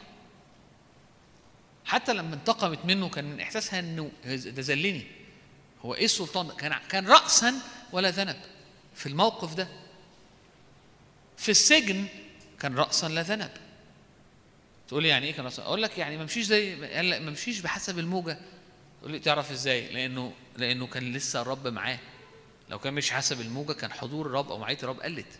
سلطان الرب قل لكن هو فضلت موجودة بقوة. و و و والناس اللي حواليه حتى مسؤول السجن شاف النعمة. شاف اللي عليه فساب له كل حاجة. لما وقف قدام فرعون وحكى واتكلم. في آية آية معرفش يعني خدتوا بالكم منها ولا لأ؟ تكوين 45 لما فرعون قال قال قال كده هو هلاقي فين حد زيك؟ في روح الله. يعني لما وقف قصاد فرعون هو ما كانش تحت فرعون كان رأسا ولا ذنب. مش جو فرعون وإنه جاي من السجن فيحاول يقول كلمتين ويبقى مهزوز أو إنه فرعون حس بالسلطان. وقال لك وحس بال- بالنعمة وحس بالحضور اللي على حياته. فقال له أنا هلاقي فين حد يبقى زيك؟ ما فين؟ عارف يعني إيه يقول له كده؟ يعني كل الوزراء اللي عندي كل الحكماء اللي عندي كل السحرة اللي عندي كل ال ال ال الكهنة كل ولاد ال- الشرفاء اللي في مصر وقتيها العيلة المالكة الناس هلاقي فين واحد؟ ولا حتى ابن أختي ولا ابن أخويا ولا ده بتكلم على فرعون بيقول كده زيك. مفيش حد زيك. فأنت تقف أنت وأنت تحكم وأنت تشوف دي كارثة داخلة على البلد. حاجة غير عادية. وحطه هو. قال له مفيش زيك أنا هلاقي مين فين زيك؟ شخص مليان بالله. هو رأس ولا ذنب؟ المسحه اللي عمر اللي يخليه يقف قصاد قدام فرعون كرأس. هو زاد. الأول وقف كان واقف قصاد إخواته أو في بيت أبوه كرأس. وبعد كده بقى واقف في أرض العبودية من وسط عبيد كرأس. وبعد كده بقى واقف قصاد مرات فوتيفار في أجواء ال- القصر اللي هو جو ممكن يزغلل العينين كرأس. بعد كده واقف قصاد فرعون. في السجن كرأس وكده قصاد فرعون كرأس. هل كان راسا ولا ذنب؟ آه كل حياته. طول حياته كان راسا ولا ذنب. تقول أنا عمري شفتها كده. أقول لك آه إحنا ممكن نكون ما بنشوفهاش كده عشان إحنا بنحكم على الحاجة طبيعيا والإنسان الطبيعي عنده جهالة فما يشوفش الأمور كده. لكن في الروح السلطان عمال يزيد والإثمار عمال يزيد والمجد عمال يزيد.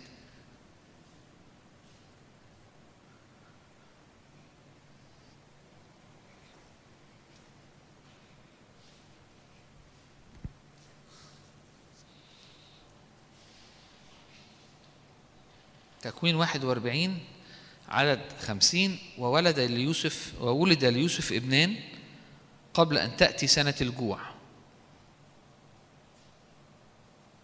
ولدتهما له أسنات بنت فوطي فارغ فارع كاهن أون. ودعا يوسف اسم البكر منسة قائلا لأن الله أنساني كل تعبي وكل بيت أبي. ودعا اسم الثاني إفرايم قائلا لأن الله جعلني مثمرا في أرض مزلتي. الرب جعلني مثمرا في أرض مزلتي. هل يوسف كان من تصير رأسا ولا ذنب؟ هل كان تصير في الارتفاع فقط ولا في الانحطاط؟ آه. اسماره كان في الارتفاع. تقول لي إزاي؟ أنا وريتك بجزء ان السلطان كان بيزيد إنه المعية كانت بتزيد إنه ثمر الروح كان إنه الثمر أو إنه يعني البر زاد. يعني عش يعني إنه يبقى أمين مع أبوه حاجة وإنه يبقى امين وهو عبد حاجة وبعد كده إنه يبقى أمين أو بار قصاد مرات فوطيفار ده تحدي تاني خالص. لكن في نفس الوقت لما تيجي أنت تشوف حياة فوق وتحت وفوق وتحت لا أصل أرض ابوه كانت أرض مريحة و و أرض مصر دي أرض مذلة. الحقيقة هي كانت أرض مذلة في في, في, نظر في بالنظر الطبيعي. أول ما نزل مصر رغم إنه كان مليان مجد لكن برضه كان شايفها أرض مذلة. لكن مع الوقت ابتدى يكتشف إنها مش أرض مذلة. على فكرة أرض مذلة مش بس معناها ذل لكن هتلاقي في أخبار أيام 22 14 داود بيقول أنا في مذلتي يعني في فقري أو في, في إمكانياتي القليلة أو رغم الدنيا صغيرة جهزت ذهب وفضة وابتدى يحكي الحاجات اللي جهزها لبيت الرب. كان بيقول لسليمان ابنه لما كان بيكلموا على الهيكل إنه هيبني هو الهيكل. فكلمة مزلتي يعني في الأرض اللي أنا فيها بالطبيعي شكل الدنيا قليلة. شكل الدنيا صغيرة. شكلي أفقر من قبل كده. شكلي ما عنديش سلطة زي زمان. شكلي إمكانياتي محدودة مش زي الأول. ظروفي أوحش مش زي الأول. يعني عكس أرض الرفعة المكان اللي أنا فيه عندي وعندي وعندي دي أرض المذله فبالمقارنة في العيان بالمقارنة لبيت أبوه اللي كان فيه غنم وكان هو يقدر يحكم ويملك ويقول ويعمل دي كانت أرض دي أرض تانية خالص. أرض هو فيها عبد. لكن هو يقول لك إيه في إفرايم؟ إن الرب جعلني مثمرا في الأرض دي في الأرض اللي بالطبيعي شكلي فيها صغير وشكل الإمكانيات محدودة وشكل الدنيا فيها صعبة. عايز أقول إيه من الحته دي؟ عايز أقول إنه في العيان لما تيجي تحكم تقول آه هو كان في حتة أحلى لأن الأرض هناك الإمكانيات الطبيعية كانت أكتر بكتير وهو في بيت أبوه لكن في مصر هي حصل داون جريد حصل هبوط حصل في الانحطاط. بالنسبة لطرق الرب لأ. مصر كان المكان اللي هو بيعد فيه اللي, اللي, اللي بره بيزيد اللي, اللي, اللي معية الرب بتزيد اللي, اللي رب يعلمه في أصابعه القتال وإيديه الحرب اللي اللي اللي, اللي فيه كل ده بيحصل بيحصل ترقيات. والمكان اللي هو نجى فيه العالم. هو نجى العالم العالم كله هيهلك. فمن إن هو بس كان بيحكم أو بيملك على أو بي هيساعد في الغنم وحاجات أبوه والعيلة إن هو بقى يحكم العالم ويخلص العالم. مخلص العالم. هو ده downgrade ولا upgrade هو ده انحطاط ولا ارتفاع؟ هو التكليف اللي على حياته وهو في بيت أبوه أعلى ولا التكليف زاد في أرض مصر؟ الإنسان الطبيعي يقول إيه؟ لا الظروف أصعب. يبقى حصل يبقى حصل انحطاط. الدنيا مش ماشية زي الأول يبقى حصل انحطاط. كان في جيبي في كنت لابس رداء ملون أنا لابس النهارده لبس عبيد يبقى حصل انحطاط. حاجات كلها خارجية. أنا قبل كده كنت بدي أوامر دلوقتي بستلقى أوامر. يبقى حصل يبقى حصل انحدار انحطاط.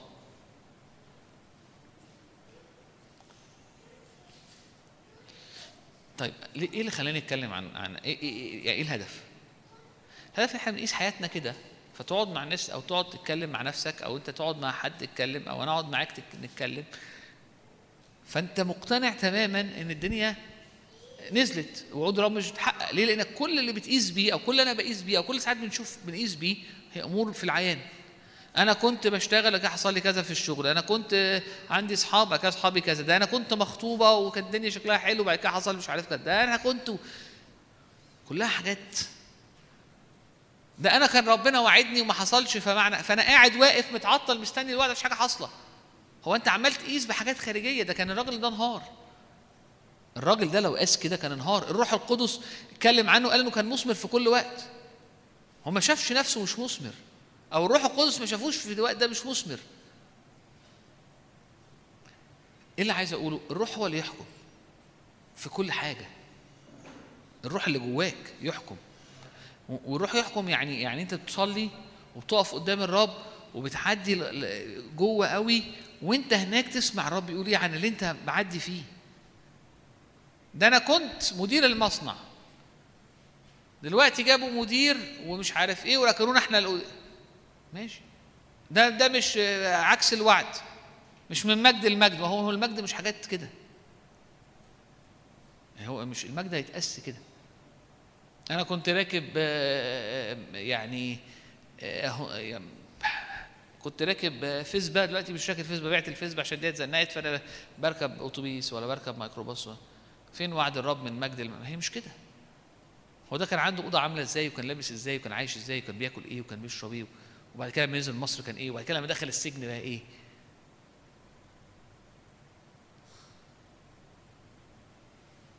تقول يعني الحياة تبقى أصعب؟ أنا مش بحاول أقول لك الحياة أصعب أنا بقول لك إن أنت ما بتقيس الحياة ما تقيس الحياة بأمور خارجية أو تقيس بطرق عيانية.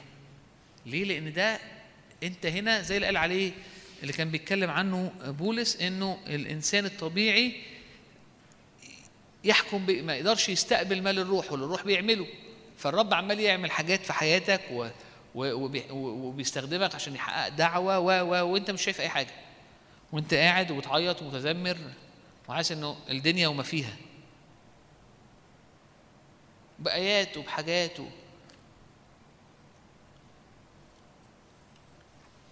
فالرسول بولس أو الروح والروح الروح القدس يحذرنا يقول لك الإنسان الطبيعي لا يقبل ما لروح الله مش عارف يستقبل.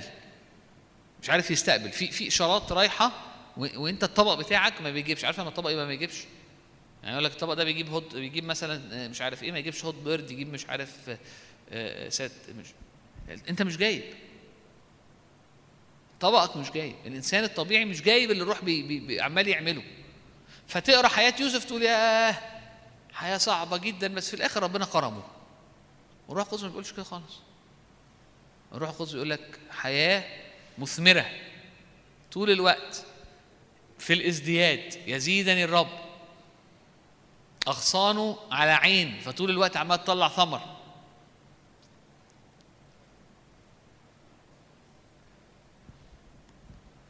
هل حياة يوسف كان كانت حياة يزيد في الرب؟ عمال في ازدياد؟ آه. هل الرسم البياني كان من من عالي لأعلى؟ آه. آه. لو بتقيس بحسب الروح القدس.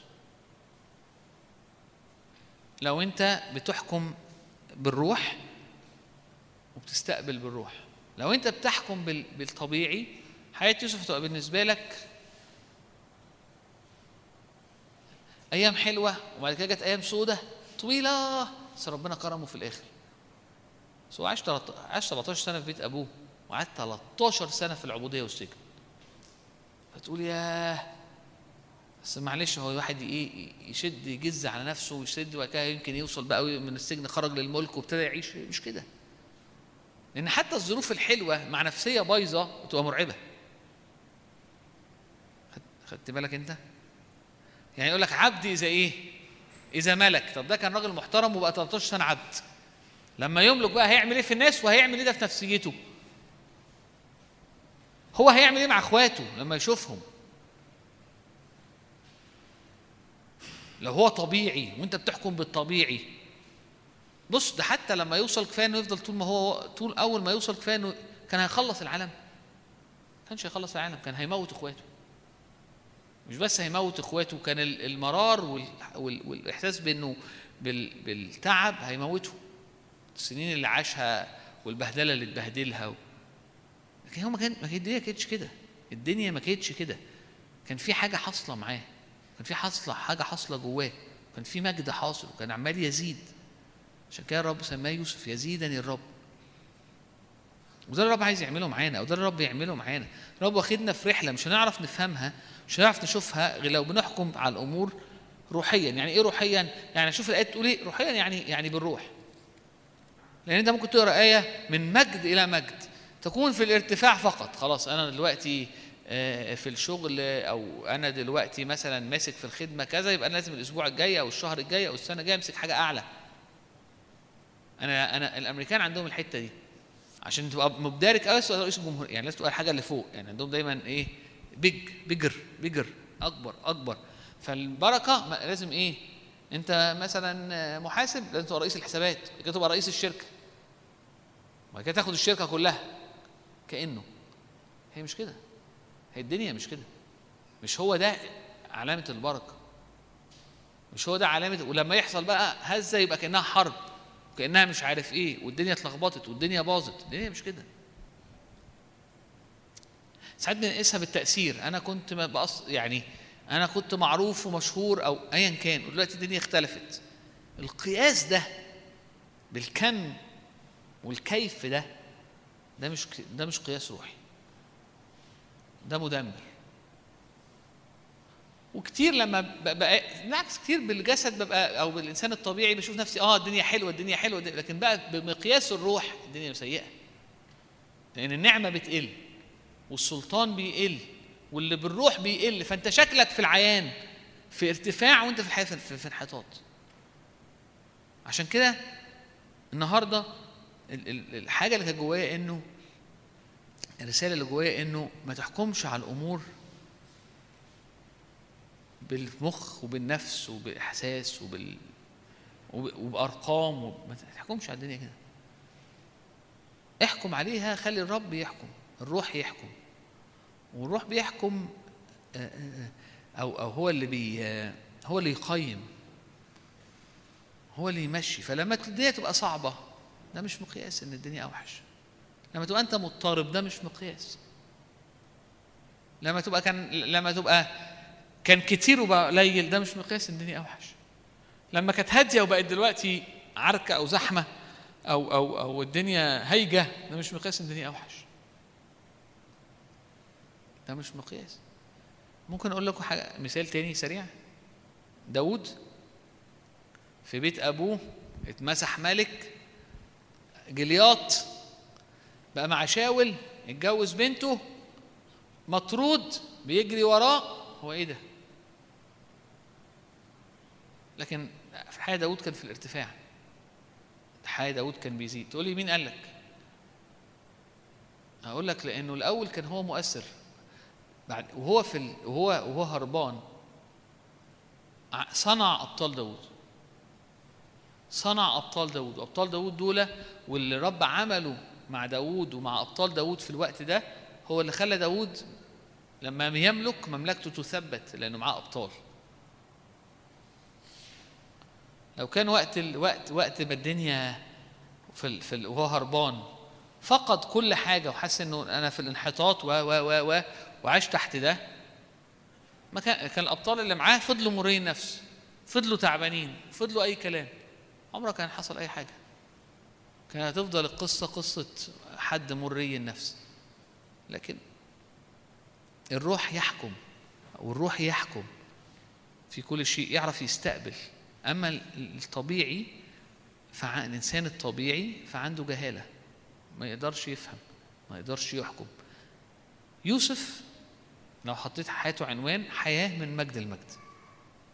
حياة في الارتفاع فقط. حياة رأس ولا ذنب. كل حاجة من ساعة ما تذكر اسم يوسف هو رأس. هو في سلطان هو في نعمة هو في سلطان هو في نعمة هو رأس لا ذنب. حتى في السجن هو رأس لا ذنب. السلطان عمال يزيد الثمر عمال يزيد التأثير عمال يزيد.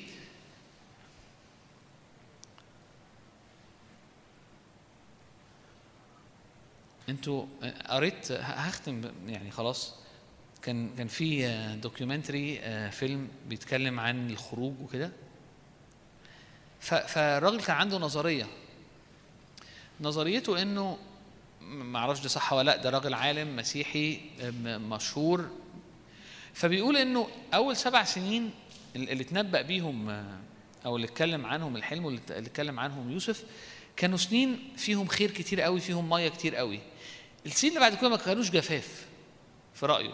كان فيضان. بس فيضان عالي قوي فهيغرق الأرض ويموتها ويغرق مدن ويغرق كذا ويغرق فيبقاش في أكل وشرح ليه هو رأيه كده. وفي رأيه وفي رأي حبة ناس مفسرين إنه كان يوسف كان عنده فكرة إن هو عشان يقلل المية عشان حتى ال- ال- ال- البلاد دي ما تتمحيش أو مصر ما تتمحيش أو كده إنه يحفر قناة كبيرة جدا وحتى قاعد يقول لك القناة دي في الحتة الفلانية ودي مش عارف قناة كذا رايه يعني عنده يعني ومش عارف كم ألف واحد اشتغل أكيد أكيد اشتغل فيها ناس كتيرة و متهيألي كان كان قصده على الحتة بتاعت الفيوم و... و... و... أنا مش مش فاكر قوي مش ذاكر قوي إيه إيه أنهي قناة أو أنهي بحيرة الصناعية اللي هو عملها اللي عايز أقوله إن المشروع اللي كان بيشتغل فيه ايا كان الرأي ده صح ولا غلط المشروع اللي كان موكل ليه يوسف كان حاجة غير عادية. كان حاجة قومية عالمية محتاجة حد يعني عنده قوة عنده سلطان عنده حكمة راجل عينه مليانة راجل قوي راجل آه، حاجات كتيرة قوي. صعب قوي تكون في عبد. يعني إحنا بنقرأ القصة ساعات ببساطة قوي. آه فرعون قال له فهو فرعون قال له كده ليه؟ لأن كان لقى سلطان غير عادي. ولقى ثمر غير عادي. الشجرة اللي كانت مثمرة بس صغيرة بقت عملاقة قدام فرعون. عبر السنين قاعد تكبر وتثمر و... فلما وقفت قدام فرعون ومحتاجين فادي لل... أو أو منقذ للعالم الشجرة كان خل... كانت بقت حاجة ثانية خالص. وفرعون قال لك أنا هلاقي فين حد زي ده؟ ولا في عيلتي ولا في الحكمة اللي عندي ولا في أرض مصر ولا في, في البلاد اللي حواليا. كان ممكن يروح يجيب واحد مثلا من مملكة تانية هو عارف إنه حكيم في الحتة الفلانية. نفسي أقرأ لك الآية دي بس معلش قبل ما أسيبك.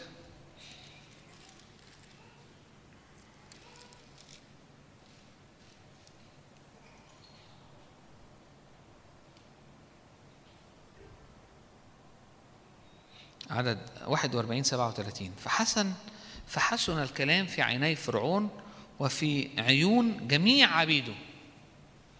يعني ما فيش خلاف. وقال فرعون لعبيده هل نجد مثل هذا رجلا فيه روح الله؟ ثم قال يوسف بعدما أعلمك الله كل هذا ليس بصير وحكيم مثلك. أنت تكون على بيتي وعلى فمك يقبل جميع شعبي إلا أن الكرسي الكرسي أكون فيه أعظم منك.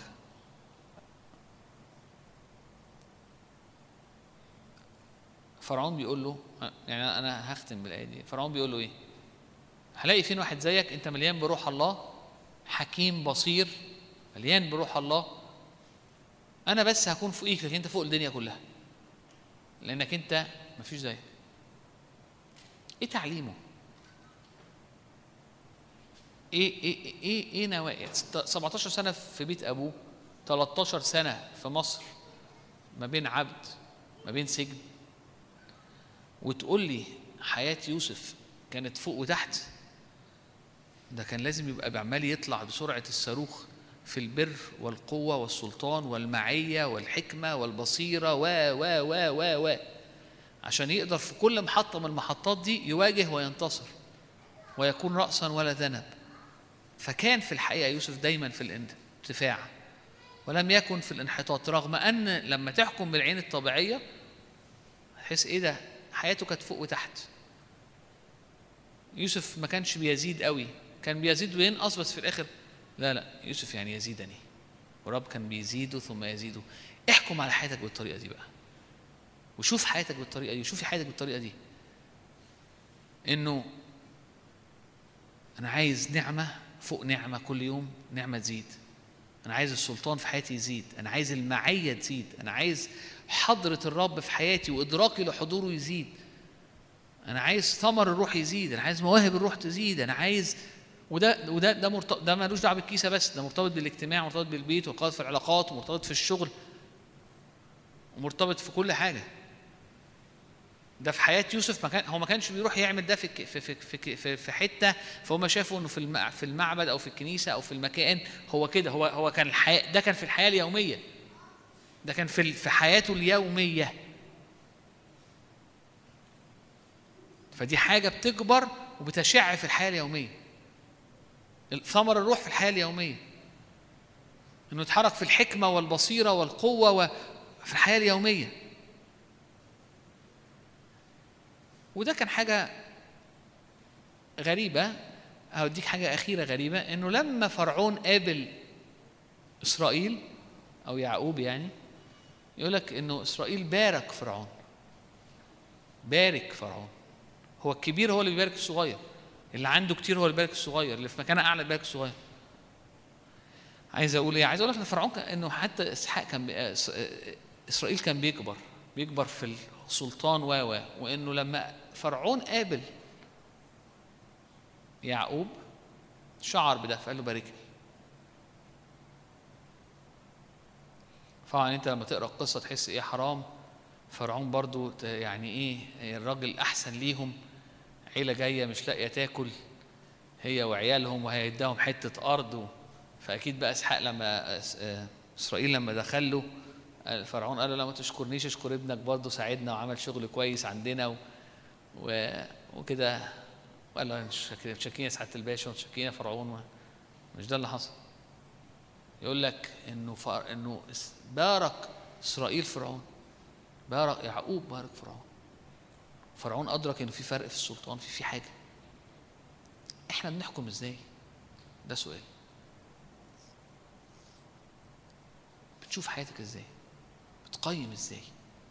النهارده بشجعك انك إنك تقيم روحيا. إنك تسعى في أثر البر. إنك تعيش كيوسف. حتى لو الظروف الظروف الأحداث فيها عالي وواطي. ده ده مش مقياس ده ملوش دعوة. الرب دعاك لتكون في الارتفاع فقط ولا تكون في الانحطاط. وفي أيام في أرض المذلة تثمر. قال له أثمرني قال له الرب في أرض مذلتي اثمرني إفرايم. في الأرض اللي عندي فيها قليل في الأوقات اللي فيها الدنيا المسحة على حياتي تزيد ال- ال- ال- النعمة على حياتي تزيد السلطان على حياتي يزيد. ففي في البرية أثمر. أثمر في البرية. إن جاء الحر هي دي أرض مذلتي. لو جه الحر لو جه الوقت الصعب ورقي لا يزبل هو دي أثمرني في أرض مذلتي. فلا يحكم بحسب نظر عينيه ما بيقضيش بسمع أذنيه. امال إيه إزاي؟ لا ب- بحاجة تانية خالص بالروح.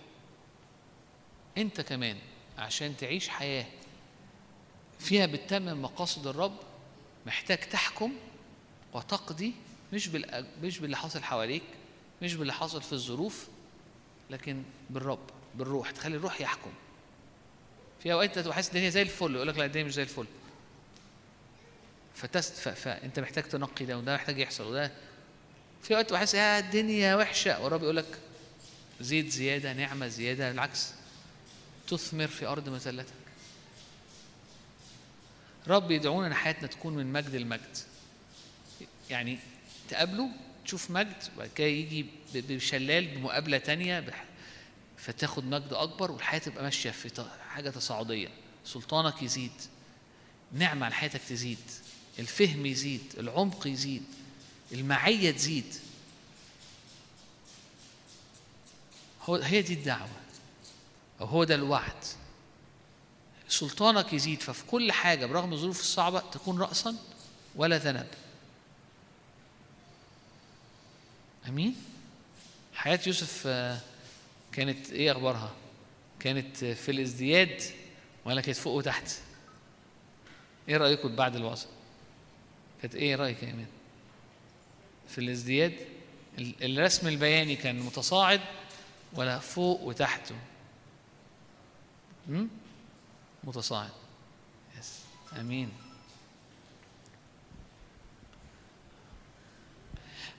أتمنى إن ال- ال- الخدمة يعني الوعظة دي يعني إيه تفك اشتباك كتير حاصل في أذهاننا وفي مشاعرنا من ناحية الرب من ناحية الوعود من ناحية ال- ال- الدعوة من ناحية الرؤية من ناحية حياتنا. ظروفي كانت كويسة بقت أوحش فأنا حاسس إن الدنيا إيه ده؟ يوسف دانيال. خد خد من ده يعني هتلاقي أمثلة كتير. مش مقياس مش مقياس خالص. طب والدنيا هتفضل كده؟ لا عمرها ما هتفضل كده لأنه في الحقيقة الأغصان بترتفع فوق الحائط. بس أنا مش واقف على الحائط ومش واقف على الظروف. مش ده المقياس. آمين؟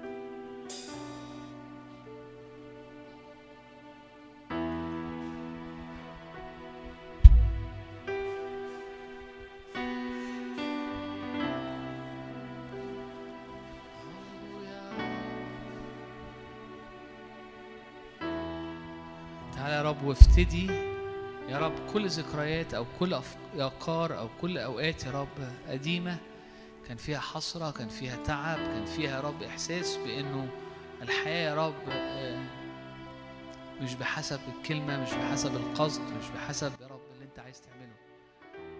يا رب تعالى يا رب وريفوكس أو أو قاعد يا رب آه، نظرنا يا رب عليك وعلى الأمور يا رب وعلى أمورك. نشوف يا رب حياتنا بعيون يا رب الروح يا رب عيون الإيمان. يا رب بصلي إنه لكل واحد هنا النهارده إنه يكون راسا ولا ذنب إن السلطان يزيد المعية تزيد يوم بعد يوم. إنه يا رب القوة يا رب تزيد. زي ما كان بيحصل مع كالب ومع يشوع الإيمان يزيد الإصرار يزيد. يحصل نضج. العينين يا رب تبقى بترى يا رب بصورة أوضح يا رب أذاننا الروحية تبقى بتتعلم آه، آه، وبتسمع يا رب بصورة أنقى وبصورة أوضح. يا رب القلب يصير أكثر فهما. يا رب مستوى الحكمة يزيد. مستوى الإدراك الروحي يزيد.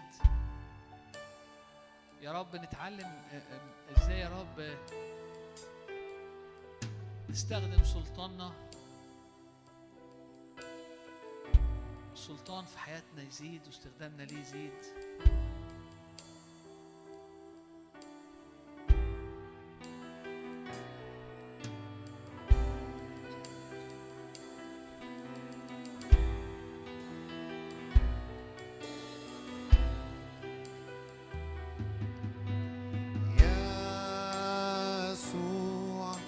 أنت كل ما أريد فمهما تسأل حيثما تذهب أتبعك.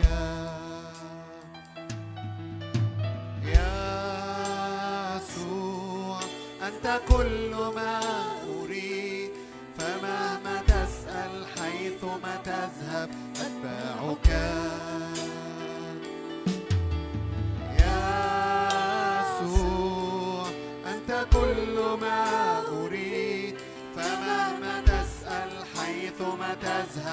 أتبعك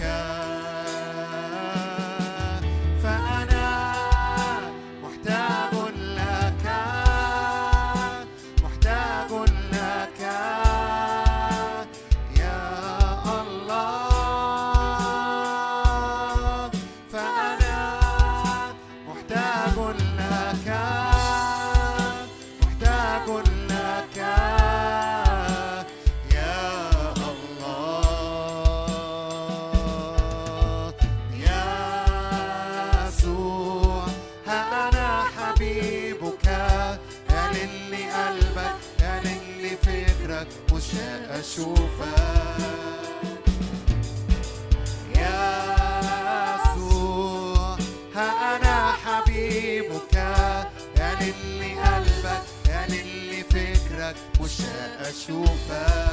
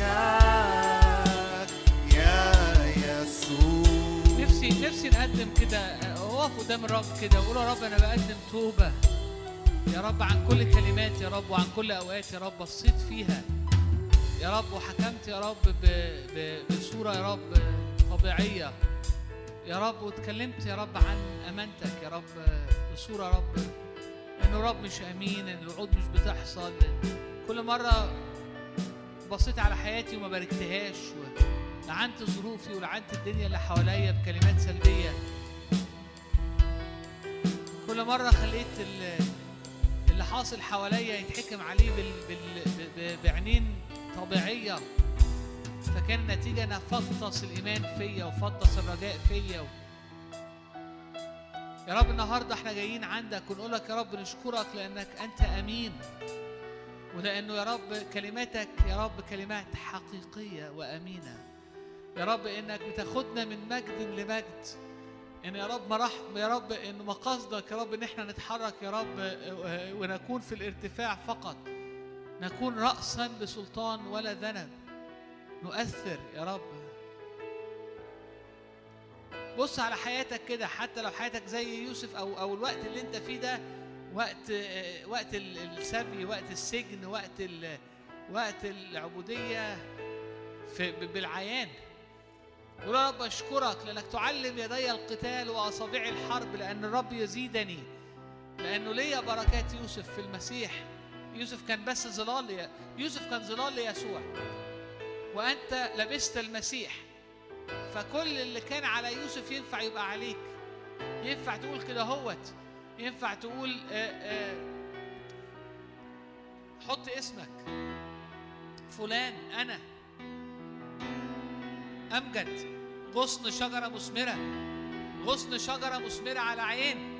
أغصان ارتفعت فوق حائط. ينفع تقول أنا. ميشو. يزيدني الرب. يزيدني الرب يزيدني الرب من مجد لمجد من قوة إلى قوة. أكون في الارتفاع فقط ولا أكون في الانحطاط.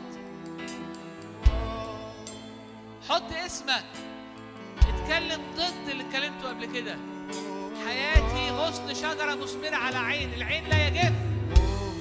فال- فالغصن يكمل يرتفع. يكمل يرتفع يكمل يرتفع. عيني مش على الحائط.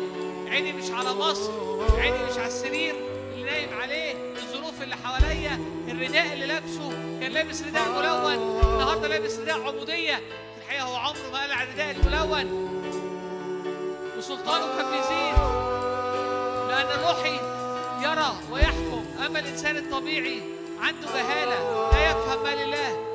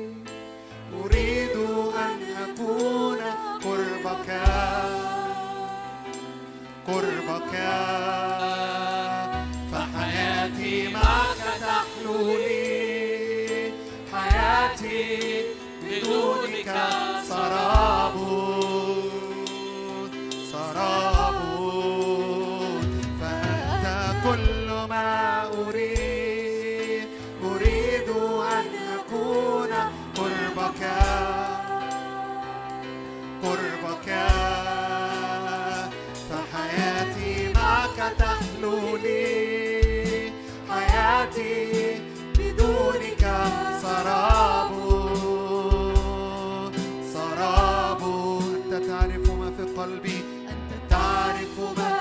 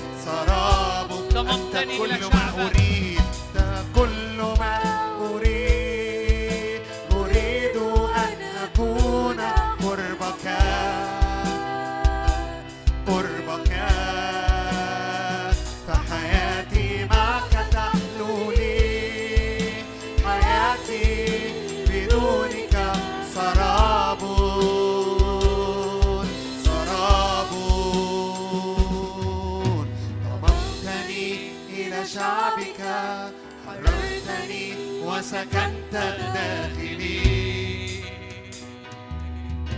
أسبحك يا خالقي أبارك اسمك الغالي.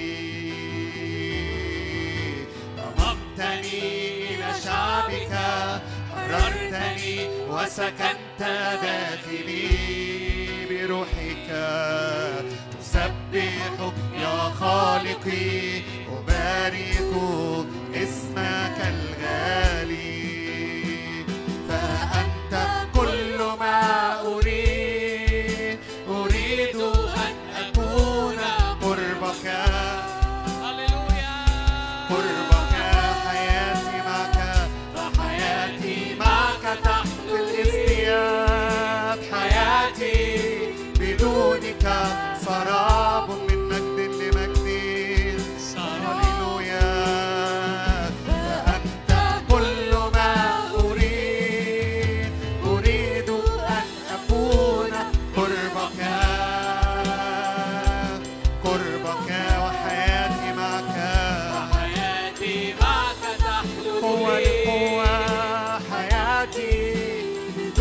بدونك سراب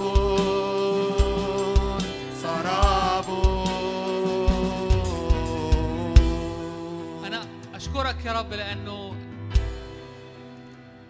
ليس بالقوة ولا بالقدرة بل بروحي قال رب الجنود من أنت أيها الجبل العظيم؟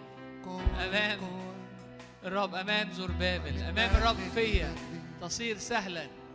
طباك يا شعب منصور بالرب.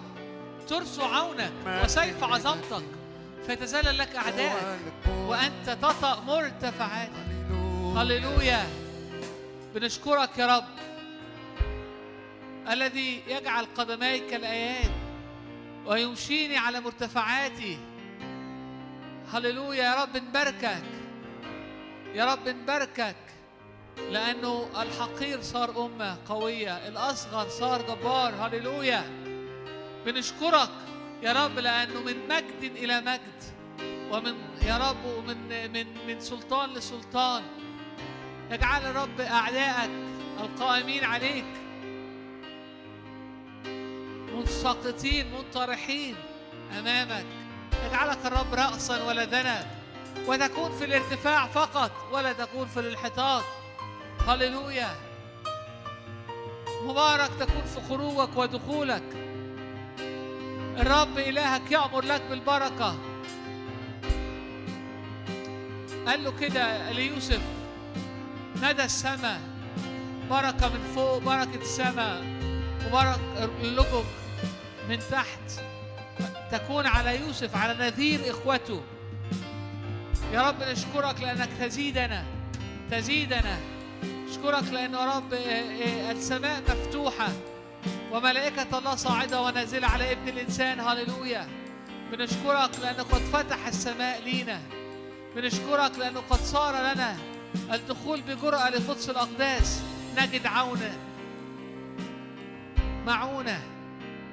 نعمة.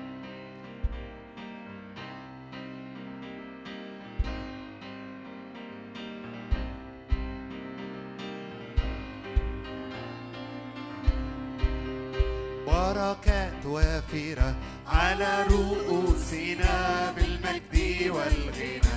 تملأ حياتنا بركات وافرة على رؤوسنا بالمجد والغنى. بركات وافرة بركات وافرة على رؤوسنا بالمجد والغنى. تملأ بركات وافرة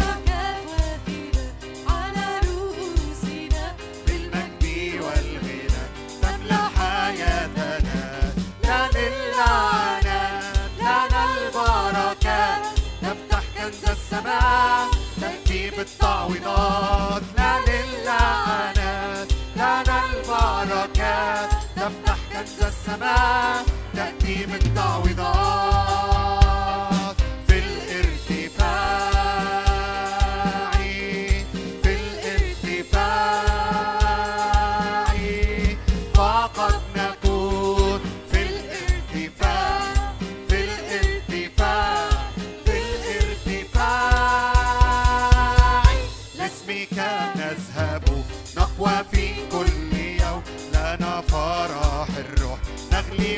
باسمك نذهب باسمك نذهب. نقوى في كل يوم. لنا فرح نغلب كل هم. نتشدد بك.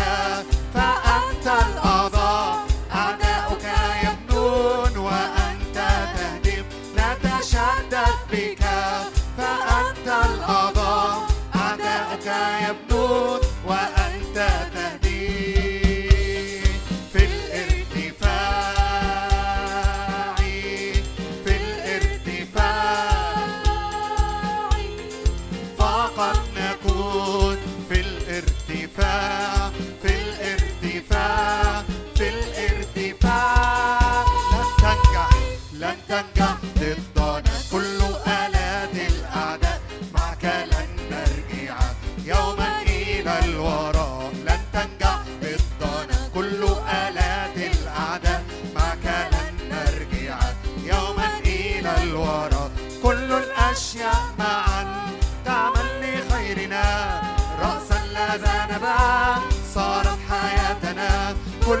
الأشياء معا تعمل لخيرنا. رأسا لا ذنبا كمان مرة لن تنجح لن تنجح ضدنا. كل آلات الأعداء معك لن نرجع يوما إلى الوراء لن تنجح ضدنا. كل آلات الأعداء معك لن نرجع يوما إلى الوراء كل الأشياء معا تعمل صارت حياتنا كل الأشياء معا. تعمل لخيرنا رأسا لدى نبات صارت حياتنا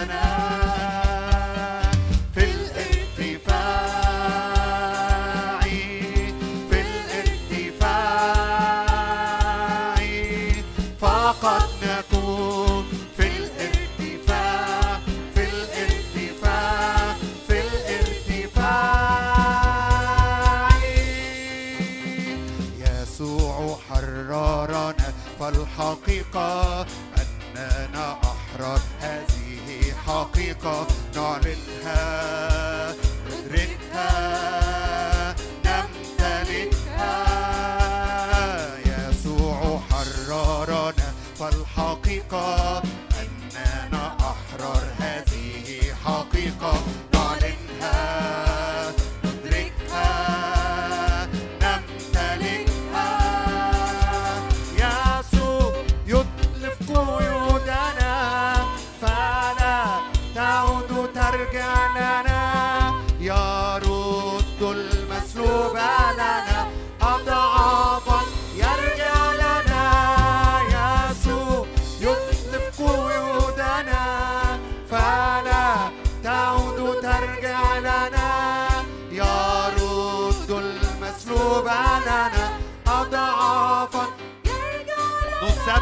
الرب.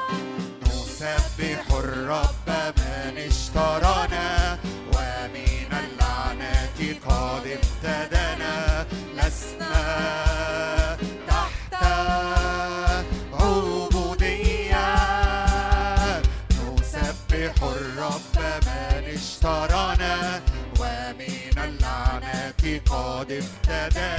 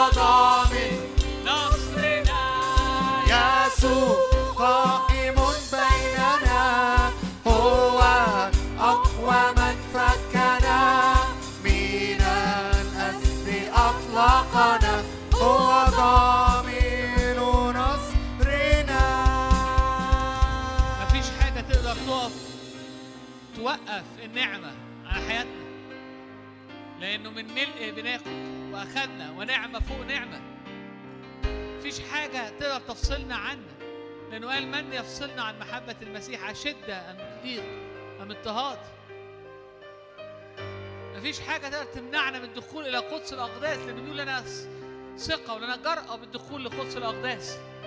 طريق حي الرب أعده لنا أجدله لنا بالحجاب أي جسده. إذ لنا رئيس كهنة قادر أن يرثي لضعفاتنا ويسترها. محبته الكثيرة تقدر تغطي كل خطية تستر كثرة من العيوب. عشان كده لنا ثقة. أننا منتصرين بل وأعظم من المنتصرين. نغلب بالإيمان. بالإيمان بإيه؟ إنه نعمة فوق نعمة. بالإيمان إنه من مجد المجد يكون في الازدياد إن إحنا نعيش بالروح. إن سلكنا بالروح فلن نكمل شهوة الجسد. ومش هنقع مش هنقع في في في, في لعبكة وعدم إيمان. ثمر الروح إيمان فرح. سلام. طول أناء وداعة كل ده يكون عندك ويزداد وتزداد المسحة ويزداد الحضور ويزداد السلطان زي يوسف زي ما حصل في حياته. مش مش معنى كده إن الرحلة هتكون سهلة وإنه كل محطة لازم تكون في الظروف أحسن من المحطة اللي قبليها. لكن لكن يزيدني الرب. غصن شجرة مثمرة على عين. أغصاني ترتفع فوق حائط. لأن الرب عبر بينا عبر بينا أرض المذله عبر بينا أرض المشقة عبر بينا من سلطان الظلمة ونقلنا إلى ملكوت ابن محبته. دعانا لرحلة مجد دعانا لرحلة مليانة ثمر دعانا لرحلة مليانة حاجات أكثر جدا ما نطلب أو نفتكر. لكن الروحي الإنسان الروحي يحكم يستقبل. أما الطبيعي فعنده جهالة والجهالة تعمل لعبكة وتعمل تشويش وتعمل تعب وتعمل عدم إيمان وتاكل في الحياة. عشان كده يقول لك هذه هي غلبة التي تغلب العالم. إيماننا إيماننا. إيه الإيمان؟ إني أشوف. يوسف أشوف أشوف. فيها هو الثقة بما يرجى إيقان بأمور لا ترى عشان عندي عين تانية بتشوف. فلو أنا باصص بالعيان وبص على الدنيا وبقيم كده فأنا مش مش هيبقى عندي إيمان لأني مش شايف حاجة. أما الإنسان الروحي فشايف صح بيحكم صح بيفهم صح بيحكم بيرى فعنده إيمان والإيمان ده يغلب العالم. دي حياة يوسف. دي حياة اللي هي كانت ظلال لحياة يسوع اللي هي النبوة عن حياة الكنيسة وحياة المؤمنين. يزيدني الرب من مجد إلى مجد. كما من الرب الروح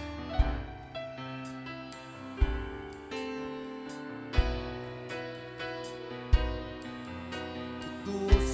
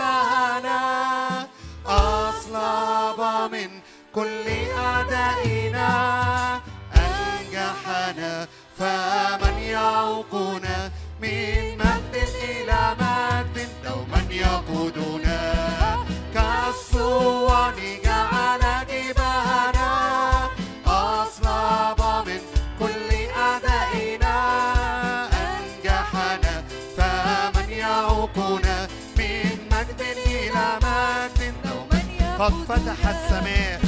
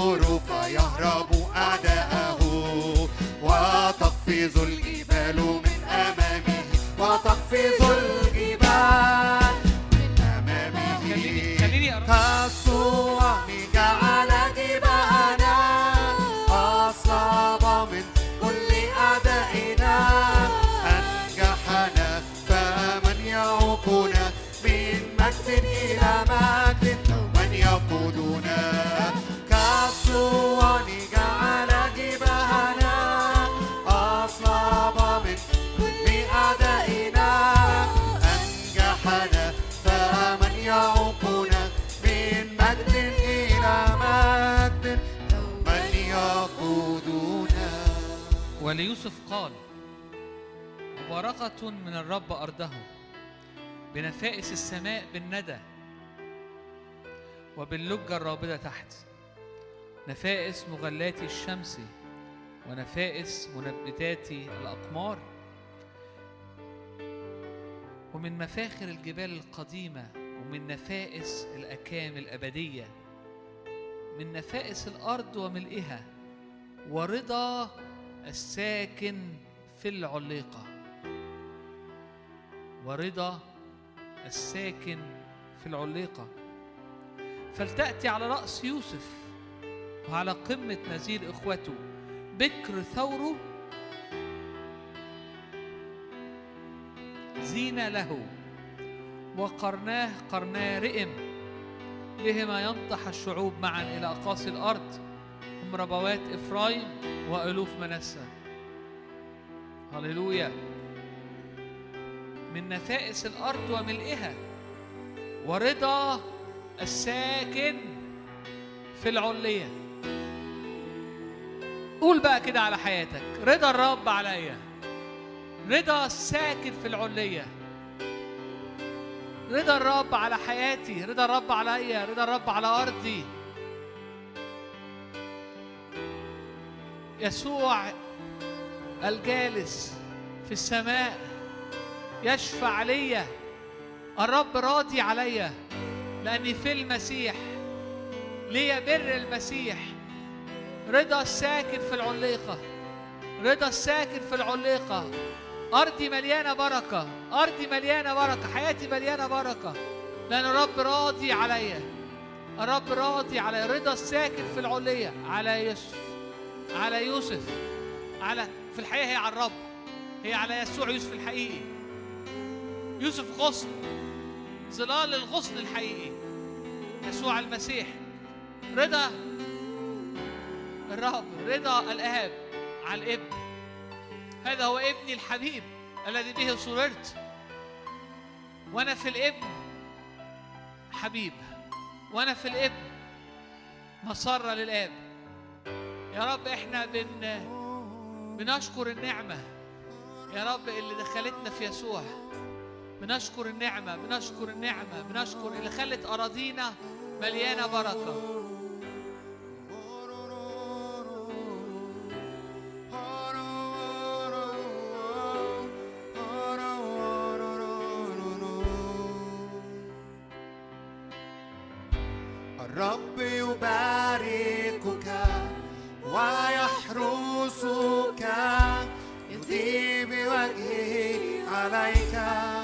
ويرحمك الرب يرفع وجهه عليك ويمنحك سلام. الرب يباركك ويحرسك. يدي بوجهه عليك ويرحمك. الرب يرفع وجهه عليك ويمنحك سلام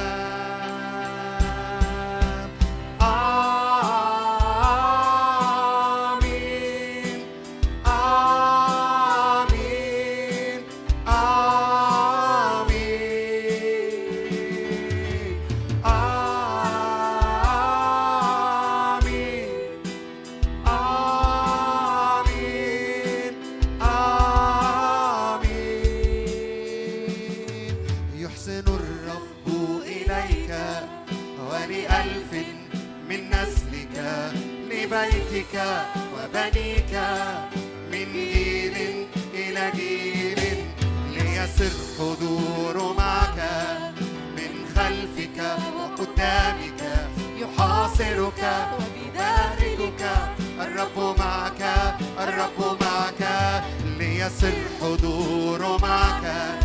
ولألف من نسلك لبيتك وبنيك من جيل إلى جيل يصير حضور معك.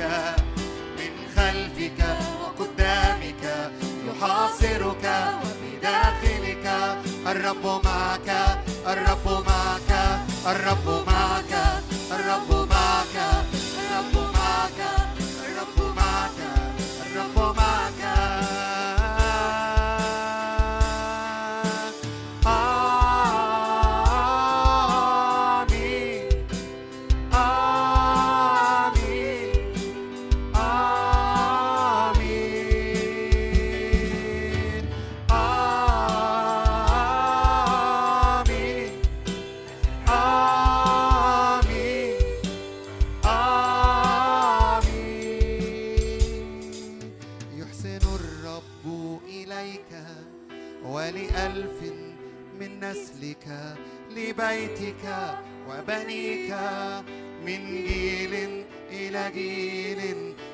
ليسر حضور معك.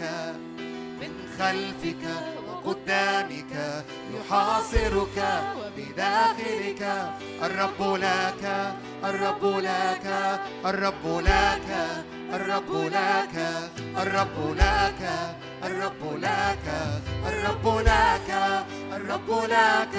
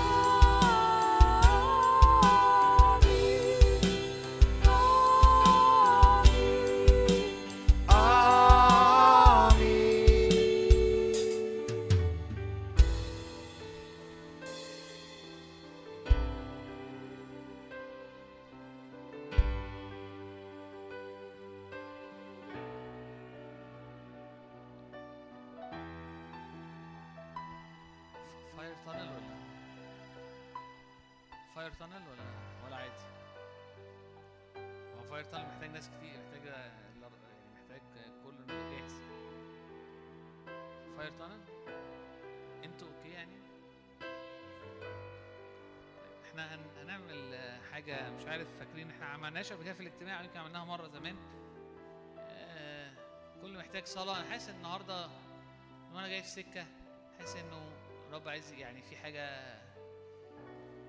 إحنا مش بنصلي عامة بوضع اليد كتير بس أنا حاسس في رب عايز يعمل حاجة النهاردة خصوصا بوضع اليد. فإحنا هنعمل هنا زي هنقف. حركة تعدي لو أنت عايز صلاة وهنصلي معاك سريعا. هي صلاة مش طويلة. لكن هي صلاة لتثبيت اللي حصل النهارده أو آه، ل- ل- لنعمة جديدة أو لدهنة جديدة. لترقية لدهنة ل... عارفين لما كنت صلي في الأول لزيت جديد تخلي المسير سهل. يخلي يخ... زيت يوازي المرحلة اللي أنت فيها. ف... ف... فتمشي في أرضك بسهولة. زي يوسف كده ما كان ماشي في ظروفه بمجد وبسلاسة. ف مرة تانية لا- لو أنت شاعر إنك عايز صلاة بوضع هنعمل ده. فامين هناخد دقايق كده عقبال بس ما نقف وكده وبعد كده نصلي على طول.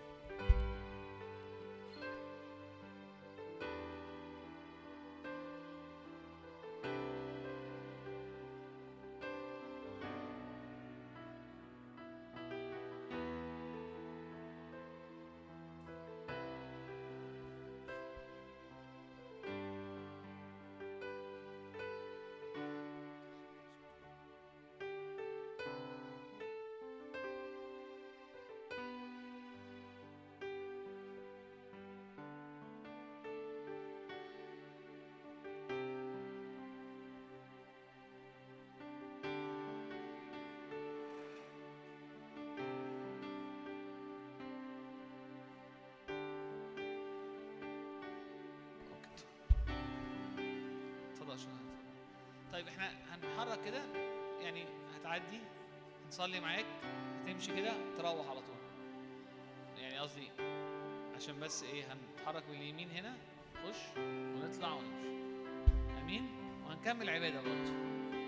آه إحنا هن أو أو هنطلع كده وهنمشي